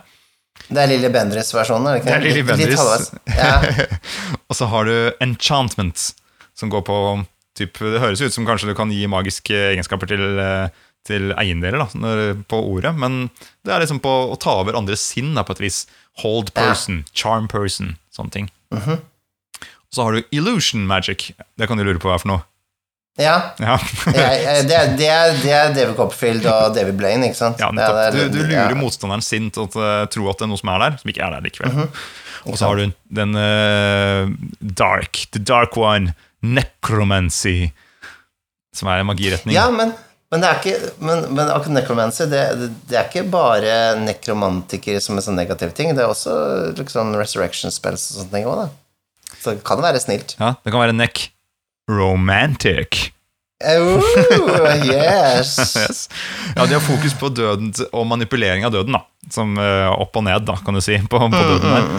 uh, og så er det jo flere settinger til uh, Fifth Edition DND. Du har jo den nye Ja. Wildemont-settingen, som er fra Critical Role. Og der har du også en magiretning som heter Dunamancy. som handler om manipulering av gravitasjon og tid. Dette kan jeg ingenting om. Ja. Men uh, kan det litt om det nå, da, for da fortalte jeg. nå kan jeg litt om det nå. Ja, det er kult. Ja, ja. Som vi trengte flere. Og det var her, da. Det var her jeg var sånn derre Fuck. Jeg kan ikke spille magiker. Dette er for mye for meg. Uh, men jeg, jeg syns det er kult. Jeg, jeg liker jo på en måte at de har samlet dette i forskjellige skoler. Det jeg kunne ønsket meg litt, da, eh, er jo at de er veldig, hadde vært veldig prippende på hver sin skole. At det liksom, hvis du driver du med transmutation, så driver du kun med det. ikke sant? Eller driver du med abjuration, driver du kun med det. Forsvar, ikke sant. Men, men det blandes jo, og det jo, du vil jo ha fireball, ikke sant? så du vil jo ha en evocation spell. Når du først Ja, men da, da er det jo sånn er det jo ADHD second edition at du kan velge å være spesialist eller en mage. Altså Mm. en spesialist er eksempel en illusjonist, da. Mm. Så, så fokuserer du på det, og du får, uh, får flere besvergelser uh, siden du har valgt å uh, spesialisere deg innenfor det. Mm. Uh, og så er det jo litt sånn at hvis du Nå husker jeg ikke helt hvem, hvordan det fungerte, men du har en sånn sirkel hvor du har satt disse åtte i. Um, sånn at du, hvis du velger f.eks. evocation, så er det på motsatt side av den sirkelen, så mister du tilgangen på den skolen. Ja, ja, ja, ja, det er fint. Men, men du har også de ved siden av deg er eh, på en måte også litt tilgjengelige, da. Ja, men ikke, ikke sant? så tilgjengelige. Jo men, jo, men litt tror jeg kunne likt det hvis jeg skulle spille det på en måte da, med, i DND og ha magikere. Så, så tror jeg jeg ville putta inn noen sånne ting. Fordi i hvert fall en, en bonus, da. Hvis du, hvis du klarer å holde magiboka di til kun necromancy spells, da, da skal du få lov til å få et level over, eller noe sånt. Rett og slett. Og det er jo morsommere også å være necromancer på litt høyere nivå. For i begynnelsen så er det liksom bare du har eh, vampiric touch, tror jeg, eller noe sånt. Og, eh, og så har du ikke så mye annet kult. Du får ikke liksom lagd en eh, hær av skjeletter med det første. Det er jo, det er veldig Jeg liker jo det i skolene, og jeg liker at det er litt sånn det, det er for meg litt magisk, da. Altså den eh, Jeg liker, jeg liker navnene. Evocation, conjuration. Mm. Sånne, sånne litt sånn vanskelige ord, det liker jeg. Ja. Men det, det her er også Ja, det er, det er, kul, liksom, ja, ja, det, er liksom noe, det er kult med det, fordi det blir litt mystisk, og det er jo det magi skal Mm. være. Og så Mystisk tenker er jeg det det ordet. Ja, og så tenker jeg jo sånn der, som spilleder da jeg, det, det er sånne ting som kunne skremme meg med å ha en magiker i gruppa hvis jeg skal spillede. Fordi plutselig så er du, har, har du en spiller som lurer på bare, Ok, det skjer noe magisk, jeg forteller, ikke sant. Bla, bla, bla. Ja, og da brenner jo den eh, eller sånn, Du får ikke åpna døra, da. Eller et eller annet. Du, skjønner jo at det er, du skjønner at det er noe magisk bak der, du kjenner en magisk kraft. Og så bare Ok, men jeg har en spell her som kan finne ut hvilken eh, magiskole den eh, kraften har. For da kan jeg Ja. finne ut mer om den. Og så er jeg sånn derre Å ja! Å, fuck! Det må jeg, jeg må kunne alt om alle magiskoler. Jeg må kunne alt Ja, i magiboka for å kunne svare på det spørsmålet. Det er, det er litt, sånn, litt sånn uskreven regel, det der, altså at, eh, at eh, som for å være en eh, god dungeon master i DOD, så må du kunne magien selv. Det, er, det har jeg lært the hard way, fordi at jeg er ikke så god på å pugge magiske formler, men i kampens hete så er det jævlig nice å kunne absolutt alt. spesielt, når, spesielt når du har en fiende som, som du skal eh, dra fram, som kan så og så mange de og de spellsa og sånne ting, og så må du liksom Å, shit. Oh, nå må jeg liksom bla opp og øh, Og hva gjør den spellen der? Sant? For du har jo lyst på at, at trollmannen du møter på i skogen, skal liksom imponere litt, eller i hvert fall gjøre noe kult, da, og da er det jo det, ja, det, det Tilløp til panikk hos øh, meg. Uh, noen ganger, da. Ja, Her har spellcards hjulpet meg veldig, i hvert fall. For da er det sånn der, Ja. Det er bare å teipe de opp på et A4-ark, de spells, disse formlene da, som trollmannen de skal møte på, har. Og så kanskje hvis jeg vet at noen av de andre har noen sånne formler, så bare ok, jeg må bare ha de på siden her òg, sånn at jeg vet sånn cirka hva de gjør. Sånn at jeg har litt, litt oversikt, i hvert fall. Og så skal sies at uh, man kunne kanskje sagt, da uh, Hvis man skal starte en kampanje i DVD, at hvis du skal spille en uh, magibruker, les deg opp. Ja, nettopp. Kan, kun, altså, kan Du må kunne de, de formlene du skal Du kaste. Vi kan Ja. ikke bruke tid på at du leser deg opp hver gang. Nei. Du skal kunne de ehm, for å gjøre spillet fl- eh, liksom flytende. Eller eh, flytende? Eh, Hva heter det? Det skal Det skal flyte. drives. Drives Ja, det skal flyte. Men bare bli med og spill. altså Kjempehyggelig hvis du har lyst til å være med og spille DND. Men skal du spille magiker, så må du faen meg lese de sju bøkene her. Nei, men altså, det, det, det, det er jo Spillet er jo laget sånn, da. Det er jo, det er jo litt sånn, så det er jo Det, det stopper jo veldig opp hvis man, man ikke kan det. Ehm, det, det, det er legitimt, det, syns jeg. Mm. Uh, og så kan man jo si at eh, man ikke skal kunne kreve det av spillere og sånne ting, men det vil jo definitivt gå fortere hvis man kan de, de formlene, da. Ja, nå, nå nevnte jeg noen her, ikke sant? Evocation, Transmutation osv. Hvis man, man Hvis man klarer å tenke et tak opp, da hvis man går litt meta, holdt jeg på å si, på et makronivå, så kan man i hvert fall, hvis noen stiller disse spørsmålene, da, du sitter her som spilleder og bare Shit, er det evocation eller conjuration? Jeg har ikke lært meg de fuckings navnene. Så kan man i hvert fall si at eh, ja, det er øh, Det handler om en eh, Det er en type magi som handler om forsvar, kan du si da. For eksempel. Ja. Eller det er eh, en, eh, det er en eh, forbannelse. Men, Ja, ikke sant? Bare at du, Ja. ja, at du kan i hvert fall si noe om magien uten at nødvendigvis hooker du på akkurat riktig ord. Da, så tror jeg du skal kunne slippe unna mer. Tror du ikke det? Jo. Ja. Nå skal sies at eh, den der D&D Beyond tror jeg jo eh, har løst mye av de problemene vi snakker om her, da. Altså det, det at du kan søke opp, eh, søke opp formler og sånne ting, og bare få de med en gang. Må, må inn på internett, skal du få spilt. ja. På en eller annen måte. Ja, Det sånn, det Mm. hjelper veldig. da har du, Hvis du har alt på nett, så kan du søke det opp. I, kjapt. Ja, ja. Det er jo veldig, veldig praktisk. Det er Men det. eh, apropos uh, magikere og Dungeons and Dragons, det finnes jo noen berømte magikere fra Ja. dette universet. Ja. Og da tenker jeg vi kan jo kick off med en som er i vinden om dagen. Vekna. Vekna, ja. Mhm. Ja, for hvis dere har eh, sett på nyeste sesongen av Stranger Things, så dukker eh, De kaller eh, en figur for Vekna, for de bruker jo alltid en, en DOD-personlighet. Eh, Du har hatt Demogorgon, du har hatt Mindflayer, og jeg husker ikke hva den tredje eh, sesongen hadde for noe. Men nå er det da Vekna. Og Ja, jeg, kan jo, jeg kan jo bare si med en gang vi kommer, kommer å, eller vi kommer ikke til å ha noen spoilers på, Nei, nei, nei. eh, på um, Stranger Things her nå, så du bør ikke sitte klar på triggeren for å skru av. Fordi jeg har ikke sett den nyeste sesongen ennå, selv. Eh, Jeg bare har liksom, eh, Det går umulig å unngå å se liksom, det navnet da, dukke opp her og der i diverse tråder på nettet. Tipper jo at uh, fleste av lytterne våre så har bincha den uh, episoden allerede. Eh, og fått den der sangen til Kate Bush på hjernen, sånn som jeg. Jeg har hatt nynna på, på eh, Running Up That Hill uh, hele jævla uka. Jeg får den ikke ut. Uh, fantastisk sang. Jeg skjønner ikke hvorfor jeg ikke har hørt så mye på den før. Eller Kate Bush i seg selv. Herregud, for en artist. Men uansett um, Altså, Hvem er Vekna, egentlig? da? Er det, det er noe dark. Det er noe dark shit. Ja, det er jo den uh, En, en jeg, jeg tror det, det var en magiker, i hvert fall. Eh, Jeg har alltid trodd at Vekna var en kvinne. For det, for jeg, det kan hende at For Vekna høres Altså navnet høres ut som kvinnenavn. Ja, jeg har også tenkt det. Jeg, eh, for jeg, husker jeg hadde en eh, Da jeg var liten, så var det ei jente som het Vesna. Og hun eh, fra gamle Jugoslavia, som het Ja, hun var kanskje fra Bosnia, da. Hvem vet. Eller, eller noe lignende. Eh, og det syns jeg navnet var, var veldig fint. Og, og da tenker jeg Vekna er en kvinne. Av en eller annen grunn. Mm. Men Vekna i hvert fall eh, Det kan være en kvinne i din setting.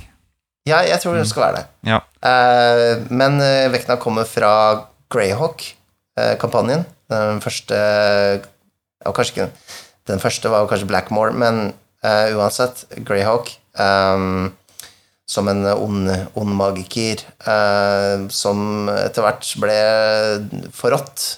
Eh, og eneste som var igjen, var Veknas øye og hånd, så symbolet for Vekna er da en, et øye inni en hånd, da. I Men- Mm. Mm.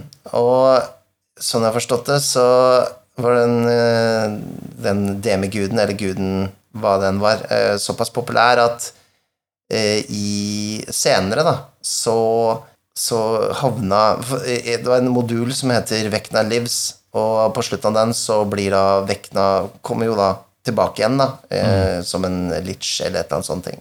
Så blir hun da eh, fordømt til Greyhawk Nei, Greyhawk, sa jeg. Ravenloft-settingen. Så så vidt jeg veit nå, så er Vekna i Ravenloft. Ja, fordi når jeg prøvde å eh, bla frem eh, Vekna her i mine bøker, så jeg fant egentlig bare én referanse i eh, Advanced Dungeons and Dragons second edition. Det var når man rider et sånt tempel, så kan man finne Veknas hånd. Mm. eh, som en, eh, et magisk, eh, magisk gjenstand. Og så finner jeg da i eh, fifth edition egentlig bare også referanse på eh, guddommer. Vekna, Mm. God of Evil Secrets. Ja, ikke sant. Eh, partially Shattered One-Eyed Skull er eh, symbolet her, da. Ja, ja, ja, ikke sant. Så, så det, Men det er det, var ikke masse Det var ikke sånn en hel side opp og side ned med info i de bøkene jeg har her. i hvert fall Men da kan Nei, nei, nei. tydeligvis, hvis du har Ravenloft-boka hos deg, så kanskje du har eh, litt mer, da. Ja, jeg har ikke lest den nye Ravenloften, men uh, det står iallfall i Greyhawk, eh, boka jeg har, og så uh, Ja. Mm. Vekna passer veldig godt inn i Ravenloft, da, som en sånn mørk magiker. Eh, så ja, det, og, og det har blitt litt sånn meme, den derre Veknas hånd og øye og sånne ting, så du kan kjøpe Altså 50 Edition, altså Wizards har jo sånne figurer du kan kjøpe, da, med den hånda, blant annet, og sånne ting. Ja, så det ja. Står i hylla di, den, gjør Ja. ikke det? Nei, det er ikke det, altså. Har den på vertshuset, da? Det har vi. Det har vi alle. Jeg er på vertshuset. det har vi.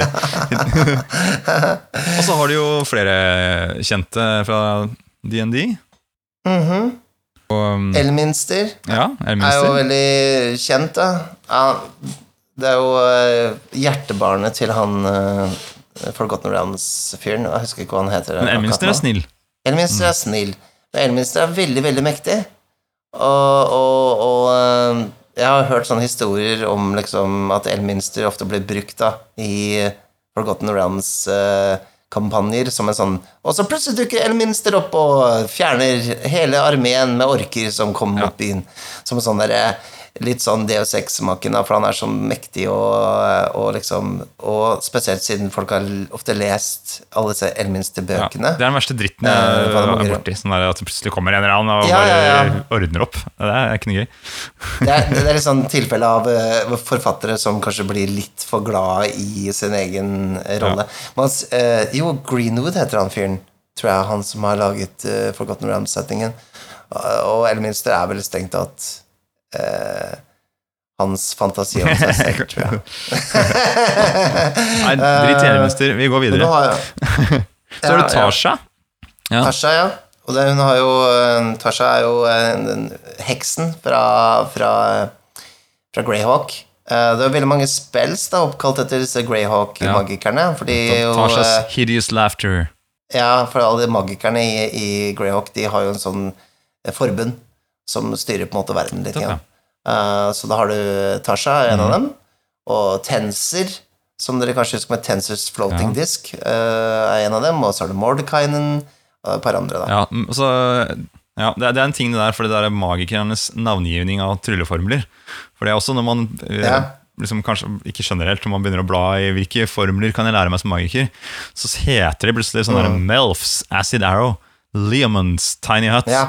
Tensors Floating Disk osv. Og, og det er jo ja, rett og slett fordi det er kjente og sterke magikere som har lagd denne formelen og gjort den tilgjengelig for andre. Det, jeg skjønner ikke helt hvordan du forklarer det, at liksom de navnene på de formlene i la oss si Forgotten Realms, da, for de, de magikerne eksisterer jo ikke i den verdenen. Nei, men de, de, er, de, de er mektige magikere. De behøver ikke å beholde seg til ett plane, de, gjør de det? De Nei, det er sant. Det er sant. Uh, Kanskje det gjør det litt ekstra mystisk, da, men det er liksom ikke noen Elminsters uh, Giant Fireball, så vidt jeg vet. ja, han har ikke giddet å skrive den ned. selv. Ja, det, er, det er så mye Greyhawk i, i, i, eh, i um, formlene, så det er så rart at vi ikke har fått en Greyhawk-setting til er ikke det det samme som Det ligner jo veldig, gjør det ikke det? På Forgotten Realms. Ja, Hvorfor lage nytt, liksom? Ja, Ja, når det er så likt. Ja, Ja. Jeg tror det er noe med det. sant da. Og så kan jeg jo nevne fra Critical uh, Role av Caleb fra sesong to, eh, som eh, mange kjenner til, og han også da vet jeg at på en måte etter hvert i sesongen skal prøve å lage seg sin egen formel, og da kalle det for et eller annet Caleb's whatever, da, ikke sant? Formel. Caleb's uh, shish kebab. Shish kebab. Men det her er jo bare fantasimagikere, alt dette her magikere vi har funnet på. Det fins jo ekte magikere òg, Mikael. vet du? Ja. Har du hørt om Nicholas Flamel? Nei, Har du ikke Hæ? Eller Har du ikke sett det- Harry Potter, Mikael? jeg har sett Harry Potter, men eh, jeg må ærlig innrømme at jeg er ikke en fan. Jeg, har, eh, jeg, jeg leste den første boka da den var eh, sånn eh, hype. Eh, og så syntes jeg det var koselig barnebok, og så så jeg filmene egentlig for, sånn i sin helhet. Eh, alle elleve Hvor mange filmer er det? Sju? Jeg ikke, sånn? du, jeg falt Jeg så av på sånn. Jeg jeg så dem i sånn maraton eh, for et år siden eller sånn, for første gang. Ja, nei, det er ikke helt min eh, kopp Det er litt altså. julestemning. Det er potensial til julefilm. Den der er vel kanskje til og med en julefilm, den eh, første, da. Vil jeg si. Mm. Ja da, ja da. Det er koselig. Jeg, jeg elsker jo Roald Dahl og den vibben Ja. du har der helt i starten. Det liker jeg. Men eh, jeg vet ikke. Jeg tror det er litt sånn der hvis du var barn når du så Harry Potter, eh, så er er det det jo lettere å Det er akkurat som Star Wars. Ja, da, det ikke sant? Det er litt vanskelig å liksom, bli sånn superfan nå, hvis du ser de første filmene nå, liksom. Det, var, det er et eller annet med den der barndomstiden. Ja, det følger jo med. det vet du. Men Nicholas Flamel er iallfall han ble Mm. nevnt eh, Jeg tror det var den første filmen som den som lager The Philosopher's Stone. Og også klart Ja. å lage liksom den eh, kilden til evig liv. Eh, og den eh, det, Det er glemt. Det har du glemt. Men han, han var som en ekte person, da, faktisk. Og, og det er en myte rundt eh, han om at han liksom eh, ble veldig, plutselig veldig rik, for han fant en sånn bok med en rar tekst, og så um, klarte å oversette den da, sammen med en eller annen eh, person, og så eh, plutselig oppnådde kanskje evig liv, da. Og, ble, og rikdom, ikke sant. Så det er ikke dumt. Mm, mm. Jeg tenkte jo på, på han John D. Han var jo også med han alkymist, da. Han til eh, dronning Victoria, var det ikke det? Jeg husker ikke hvilken av dronningene det var. Elisabeth eller dronning Victoria. Uansett, eh, han var jo også eh, en slags magiker, da. Eller folk eh, Okkultist og magiker. Ja. Man trodde jo han var litt magisk òg. Ja, altså De gamle alkymistene, der er det mye, der er det mye spennende. Hvorfor er det ikke er det, ikke- det er ikke en klasse i det og det? Alkymist? Eller har du alkymist? Jeg vet ikke, Sikkert noen som har lagd, da. Det skal jeg love deg. Ja, det kan hende det er en av de bøkene jeg ikke har lest. For jo, jeg har jo jeg har ikke lest alle disse tilleggsbøkene. Ja, men jeg tror ikke det er eh, sånn i straight up uh, hovedboka, liksom. Det tror jeg ikke, nei. Og så har du jo Geranitz, ja. Ja. Og så har du jo Anton LaVey, da. Og han er vel ikke magiker, sånn sett. Men jeg vil liksom putte han litt i en warlock-klasse. Men han er kanskje egentlig mer en bard. da Han er litt sånn der, Får med seg folk og ser litt skummel ut.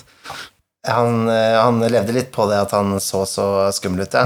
Eh, Men altså, som eh, den formen for satanisme som eh, Church of Satan var, var jo, trodde jo på magi og iallfall ritualer på den at de kunne være magiske, da. Mm. Eh, Så ja, som egentlig er litt sånn paradoks, egentlig, um, med tanke på at det skal være anti-overtroisk. Men uh, ja, ja. Nok om han. Nok om. og så har du jo eh, typ eh, moderne illusjonister, som David Copperfield og David Blaine. Som er sånn gate, David Blaine er sånn, mer sånn gateillusjonist, eh, som har slått seg opp med, i hvert fall. Og så Copperfield sånn sceneillusjonist, da. Typ. Ja. Skap, med hjelp av røyk og speil og triks, så Og lager de illusjoner. hun- Og sikkert 100 medhjelpere, så Yes. ja. Nei, David Blaine er faen meg teit, ass. Herregud. Oh, Det er ikke så lett å like Nei, ikke den videoen jeg har sett, i hvert fall. Virker litt sånn Nei. eh, kjip eh, på et vis. kjip fyr. Det er sånn Det er ikke magisk å, å liksom eh, være inne i liksom isvann i, i, i ti timer, liksom. Det er bare sånn Hvorfor?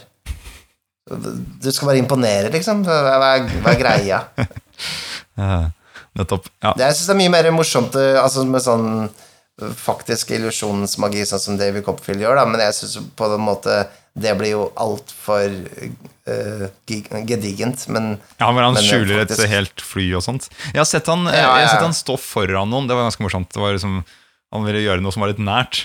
Så er det som et par, Mm. og står med et par, og så står han litt unna, kanskje et par meter unna, eller noe sånt. Eh, Og så tar han liksom bare tak i over, sin egen overkropp, og så skyver han hele overkroppen fra beina, sånn eh, en halvmeter til høyre. da bare, Og de bare Ja. Når du ser det. Det er stilig. Det er det morsomt. Ja, men det er mye, mye, mer, mye mer morsomt å se sånn nærmagi, da. Ja. Altså sånn hvor det, du, du virkelig liksom Du må øh, bruke slay of hand, liksom, til virkelig øh, imponere, da. Mm. Og det syns jeg er mer inter interessant. da. Så du slay of hand nå? For det er gøy. Slate of, Ja, slate slate. of hand, hva heter det? Slay Jeg er litt usikker på om T-en skal være stum eller ikke, men det var slate of hand. Ja, uansett. Uh, men ja, ja, magi er eh, Det mest interessante er å prøve å finne ut hvordan de gjør det, da. Ja, det er det man lurer på. Mm.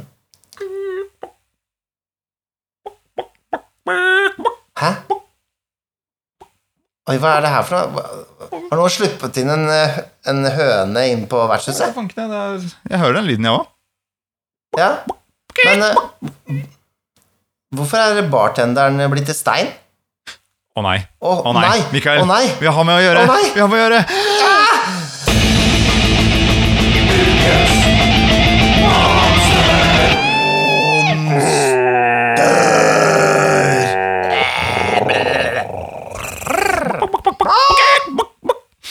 her er jo Fy faderen, Mikael, pass deg! Eh, Det her er en, må jo være en cockatrice. cockatrice. Hva, og hva er det, tenker du da? Hva i Ja. helsiken? Jeg, vet- jeg blander litt cockatrice med basilisk ofte. Men det gjør du ikke dumt i. Fordi Nei. det er uh, basically det samme, egentlig utgangspunktet. Jeg har her en gammel bok som heter Fabulous Beasts av Monica Beisner og Alison Lowry. Eh, og der står det okay. The basilisk or cockatrice is the king of serpents. Mm, Hello! Skjønner. Det er ikke rart jeg blir forvirra. Men faktisk, i denne boka da så beskrives den ikke som en som gjør noen til stein. Uh, men det er noe som har um, The head, of a, head and body of a cock, leathery spiked wings like a bat, and long Du sa Du sa, uh, du sa eh, cock. cock. uh, and, the, and the serpent's tail, da. Så okay. Basilisken og Kakatrisen da er jo da Cockatricen. Er, er måtte skilt fra hverandre litt her. Og, og i Dungeon Ja. Station så ser den ut som en grusom eh, høne. En udød høne med blanda med flaggermus og øgle, rett og slett. Og, men den er sånn Den er beskrevet som Hvis du møter på den, så Du vet hvordan høner blir litt sånn derre De vil unna med en gang de kommer borti dem eller ser stygt på dem. eller noe sånt. Ja, Så er det omvendt med denne. Cockatrice. Den, den angriper. Det er liksom dens uh, uh, go to-greie. da Den bare hopper på deg. Og da står det, hvis du blir bitt av den, så står det i fare for å bli gjort om til stein. ja. Det, det, jeg har brukt cockatrice en gang eh, i en eh, DOD-spilling. Og den det, det var en ganske sånn brutal historie, fordi jeg, jeg, jeg tror eventyret heter uh, Into the Dragon's Den eller The Wizard's Tower. Jeg husker ikke hva det er. Men det er faen MT Black da, som har skrevet det. Uh, så du kan finne det eventyret på GMs Det er DMs Guild, er det ikke det heter? Eh, uansett, veldig bra eventyr uh, for Starter Adventures. ehm, hvor de får hjelp av en liten goblin som heter Gulch, eller Gralch, eller et eller annet sånt. Og han, jeg spilte han som veldig sånn sympatisk sånn der, Han ville ikke være en del av liksom den der, de morderiske uh, liksom familien sin, da, eller uh, triben sin, så og han ville hjelpe eh, rollene og sånn, da. Og de ble liksom kamerat med han. Og så kommer de inn i det trollmanntårnet, da, og så hører de sånn Innenfra liksom et rom der. Så sender de, han, sender de inn han først, og så blir så klart han forsteina, ikke sant? Så de må bare etterlate han. han liksom, de, de åpner døra, Nei. og så ser de bare han liksom stå sånn med armene opp, ikke sant, forsteina, og så bare forlater de han der. Så ble det litt sånn der, litt sånn melankolsk øyeblikk på det, da. Jeg syns det var litt eh, Da var jeg kanskje litt slem, men eh, det var jo liksom Hvis du sender noen foran deg, og så er det en NPC Det er, for, er ikke det favorittaktiviteten til eh, er roller? da Sende NPC-er i forveien for å ta Blåse av feller og skitt. Men de her, disse, disse er jo som regel i flokk, står det her. i hvert fall i den second edition-boka her. Og da, da sliter de jo hvis det kommer en flokk med Å, sånne jævler. Så biter deg. Men du blir sakte til stein, da. Så det skjer ikke liksom med en gang, men da, da har du det gående, liksom. Du må jo forte deg. Ja, ja, ja. Det er jo, det er jo litt gøy å, å, å bruke de Så Ja. De kan jo se ut som høns på avstand, ikke sant? Sånn at eh, Det er jo ganske morsomt. Liksom at, du ser en flokk med høner der borte. Og hører sånn Ikke sant? Og så kommer du nærmere, så Det er ikke høner. Det bare Ja. Ikke sant? Så blir den Kommer løpende mot deg fra alle retninger. ikke sant? jakta, ikke Det er bare, å fy fader. Det er bare å ta beina fatt. Men det er, det er jo beskrevet som små og sånt i um, disse 5th edition og second edition-bøkene til D&D, Mens uh, man kan jo lage sin egen versjon òg, som man jo alltid kan med monstre. Og jeg vil virkelig oppfordre til å alltid gjøre. Um, og kanskje hente inspirasjonen på en måte da, herfra og derfra. Så um, Den andre versjonen her er jo den eh, fra Fabulous Beasts her, er jo at den er gigantisk, og der den flyr, er, følger ørkenen etter. Du finner den liksom i den eh, libyske ø, ørkenen i utgangspunktet. Uh, og den er liksom bare Ja. den, uh, It scorches and blackens where it has passed. Det, den er skikkelig sånn eh, Den ødelegger alt. da Den er litt mer som kanskje i Mørk porg, de basiliskene der som bare er eh, guddommer, nesten. Og det eneste den ikke kan fordra, det er weasels. Eh, Snok er vel det på norsk? Nei, ikke snok, men hva heter det? En, Weasel? eh, Eh, det, det, eh, Røyskatt, Røyskatter? røyskatt mener jeg. Snok er vel slangen, ja. Men eh, røyskatt, ja. eh, som er immun, immun mot basiliskens gift. Eh, og så eh, frykter de da disse, fra denne boka her, da the, the, crow, the crowing of a true cock. altså en ekte hanes Jeg kan ikke si det, Mikael. Det blir så mye kakk, kakk i monitor. Ja, ja men, men altså, du er jo veldig opphengt i kakk for tida. Ja, Eh, vi spilte jo Mørkborg her om dagen. Hva, hva slags monster var det du har laget eh, spesifikt da? Nei, jeg, Det var når jeg kom på det, det var ganske seint. Jeg var nesten så jeg sovna. Så kom jeg på et monster dere måtte øve, møte på i Mørk Borg. Og det var Ja. Jeg tenkte Edderkuker? Det har jeg aldri møtt på før. det er da en edderkopp, men istedenfor det lille edderkopphodet, så har det en sånn stort gla, en stor sånn glans, en sånn kukkue istedenfor. Som skyter nettet sitt ut derfra. da Åh. Å, herregud. Fy fader, ass. Den scenen der. du forklarte hvordan de så ut. Og du fant fant en fyr som var opphengt i liksom sånn kliss da, mellom noen trestammer. Og jeg tenkte som en gang Ok, det er sikkert sånn typisk sånn myrkskog edderkopper, ikke sant? Men så kommer disse kukuene og spruter på oss, da. Det, altså Hva er det du spiser? Liksom? Hva det- slags, frokost er det du Jeg vet ikke, Det var, ble jo ganske ekkel eh, scene på mange måter, på et vis. Den eh, med hvor dere møtte Ja. på edderkukene. Men eh, Det var veldig, veldig pubertalt. ja, det var både eh, flaut og litt morsomt og litt ekkelt samtidig. Ja, det er jo bra du spiller med Vi spiller jo også med kona di, da, så liksom, du vet jo hva du holder på med Det nå. var veldig morsomt. Så, men vi, det var gøy å kjempe mot edderkukene. Det var det. Ja. Så det var bare å putte det inn i disken. jeg måtte, jeg, jeg måtte shame deg litt grann, eh, på podkasten, følte jeg, for det her. Ja, det syns jeg. Ja, det, var- det, det måtte til. Men hvordan skal vi bli kvitt den her gjerskla jæskla kakatressen, da? Det er jo bare å holde fram et speil, er det ikke? Nei, det, det, det, Ja! det må bite, ja. Det må bite. Det er ikke bare med, med blikket, er det det? Nei, men det kan, Hvis det ikke er den fra Fabulous Beasts-boka, da. Fordi da It would be struck dead by the sight of its own image, står det der. Oh, Så vi håper det er den, da. Fram med speilet. For du går alltid med speil i lomma, du. Jeg gjør det her så forfengelig. Så jeg tar fram det lille lommespeilet mitt med glitter på, og så bare Der tror jeg den i røyken. Vi kan sette den som en sånn gargoyle utafor på toppen av, av vertshuset. Du, det er kult, for nå har den jo blitt til stein. Det er kult. Ja, ikke sant? Håper den ikke blir pilla ned av noen edderkukker. Det er det siste dere kommer til å høre om edderkukker her på vertshuset. Forhåpentligvis. Ja. Fra nå av skal det glemmes. Men uh, vi har ikke hatt besøk av munken i dag. Nei, Har vi det? Um, det har vi ikke. Uh, men eh, i dag kan vi egentlig være våre egne munker, fordi Ja, det, står jo det- dunk- det står jo spikra opp noen, uh, noen papyrusruller på veggen her. Det det gjør river av det. de, da. Jeg river ned en av de. Oi, men nå begynte den spiller av en sånn melodi. Det er sånn midi.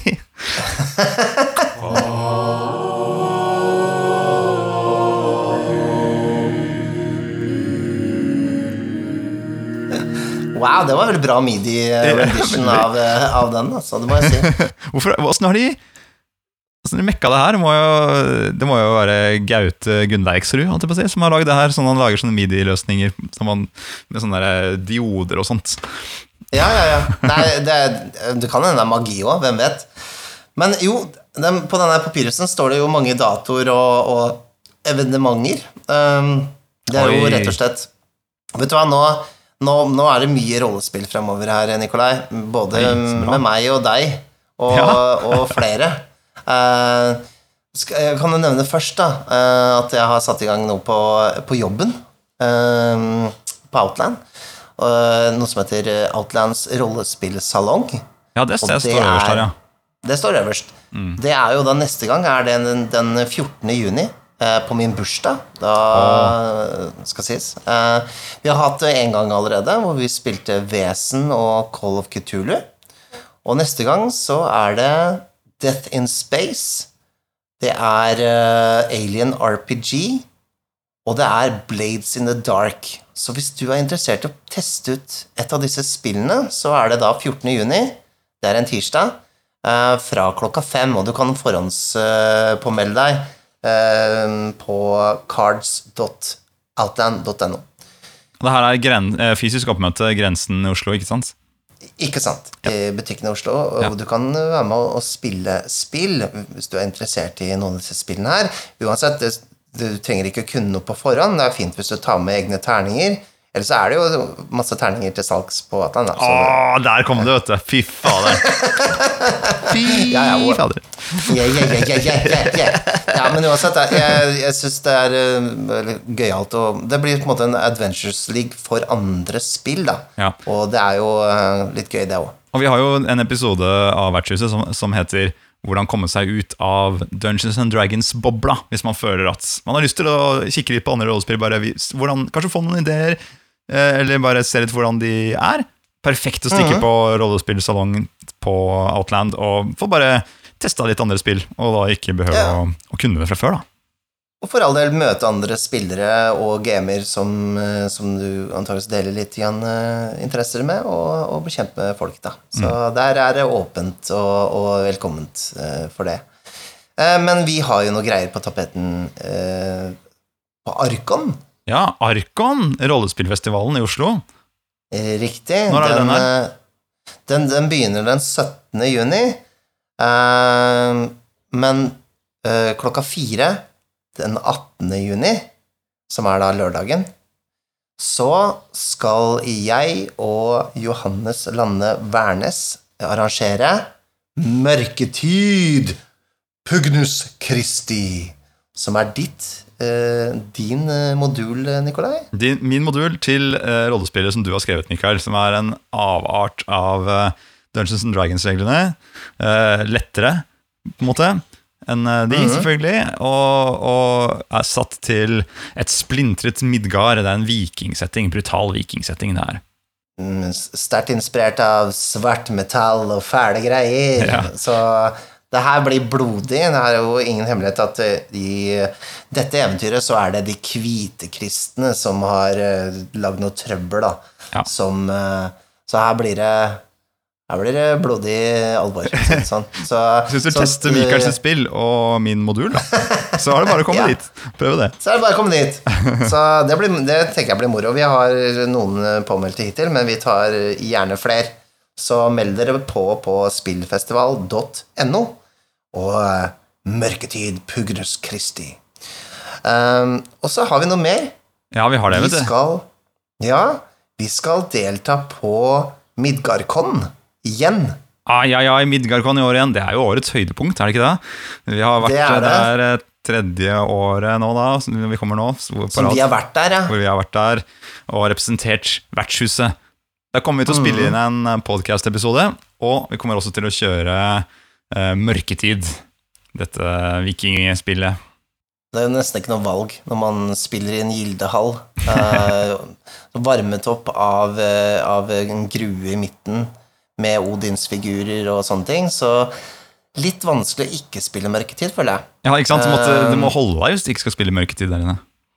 Ja, man spiller nesten med en gang man kommer inn døra der. Så det, nei, men det er faktisk Det er en opplevelse, altså. Jeg vil anbefale alle som, eh, som er interessert i brettspill, rollespill, vikingtid, å ta en tur til Borre. Eh, Datoen? September en gang, er det ikke det? Det er 30. september til 2. oktober. Yes. Eh, på Borrehallen der, den derre Midgards vikingsenter i eh, Horten. Ja, uten, litt utenfor Horten, Ja. bare. Men ja, det var ikke noe vanskelig å få hotellplass eh, i hvert fall når vi var der. Så det, nei, nei, det, det anbefales altså. Det er, eh, altså, det er en liten eh, con, men du blir kjent med folk, og det er liksom den derre litt den eh, Hva skal jeg si? Den gründerfølelsen du har der. Veldig, veldig koselig. Og så har vi en ting til som egentlig ikke kan snakke så mye om enda. Nei, men nå kan det vel ikke være mer? Hæ? Jo, det er én ting til. Vi skal også delta på Reinkon. Og da kommer vel både jeg, du og Simen Stangeland dit. Og skal vi Ja, vi kan jo si det. Vi kan si at vi skal, eh, vi skal eh, spillteste Dragepust, som er vårt eh, fantasy-rollespill, Ja, stemmer. på Reinkon. Eh, Og Reinkon det det er i Bergen og blir avholdt fra 7. til 9. oktober. Mm. Ja. Stemmer, stemmer. So we're going to Bergen, Også... baby! Og så begynner vi Det er, et tour, det her. Det er en skikkelig tour, Mikael. Det er en turné, vi burde ha egne T-skjorter. Ja. og så skal vi jo snart eh, spille inn nye episoder av Vertshuset spiller, og da er det jo noen eh, spill vi har eh, litt på tapeten der. Vi har eh, Altså, dette er mer Nå begynner det å bli en sånn løsere Ja, det her er en post-it som du satte på på papyrusen her nå.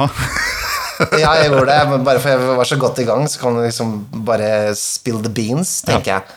Og der var det jo eh, snakk om eh, både Death in Space, vi har snakket om eh, Troubleshooters, og vi har også snakket om Vesen, som eh, noe vi har lyst til å spille inn episoder av fremover, da. Og det skal vi prøve å få gjort i sommer, og da tenker jeg jo kanskje at det er utopisk å tro at vi får starta med å legge ut episoder i før kanskje august, da, men Versus-spillet kommer tilbake, det gjør det absolutt, og bare å glede seg til det, tenker jeg. Å ja, å Nei, nå ja. må vi ta og slenge vekk Å den ja. papyrusen her. Nok, eh, nok om turdatoer. Nå håper jeg alle har notert ned alt eh, som skjer. Det er jo, man kan jo dra på disse mm, eh, rollespillkongressene uten å selvfølgelig spille med oss også. For det er jo jævlig mye annet gøy som skjer der. Men hallo, kom og spill med oss, da! Spill med oss, da! Kom og spill med oss, da! Kom og spill med oss, da! Ja, det blir jævlig bra. Eller bare hils Ja, på oss, da. High fives er også også gøy. Ja, ja, ja. Eh, fy fader, det her ble en lang episode, Nikolai Ja da. Kroppssøsteren. Uh, hvem ante at du hadde så mye energi så tidlig om morgenen på en eh, søndag? Altså Når vi først er her inne på vertshuset, så blir vi jo inspirert. Det er jo klart, det. Og Ja. snakke om magikere, hallo, det, det er et stort tema. Og vi kunne jo Altså, det kan vi ikke snakke om magi i seg selv, for det er også Vi har jo toucha inn på det, men det, det er mye å snakke om der òg. Men Ja, det det. vi, vi får eh, prøve å sløyfe det der, men vi kan i hvert fall nevne da, at hvis dere ønsker å støtte oss og denne podkasten på Patrion, så kan dere gå inn på patrion.com skråstrek vertshuset og støtte oss der. Det setter vi stor pris på. Ja, det gjør Ja. vi absolutt. Eh, mer støtte vi får, kulere ting kan vi finne på. Og vi, Ikke sant? vi altså det, det er alt vi har lyst til å gjøre. Finne på kule ting som eh, dere kan eh, ta del i.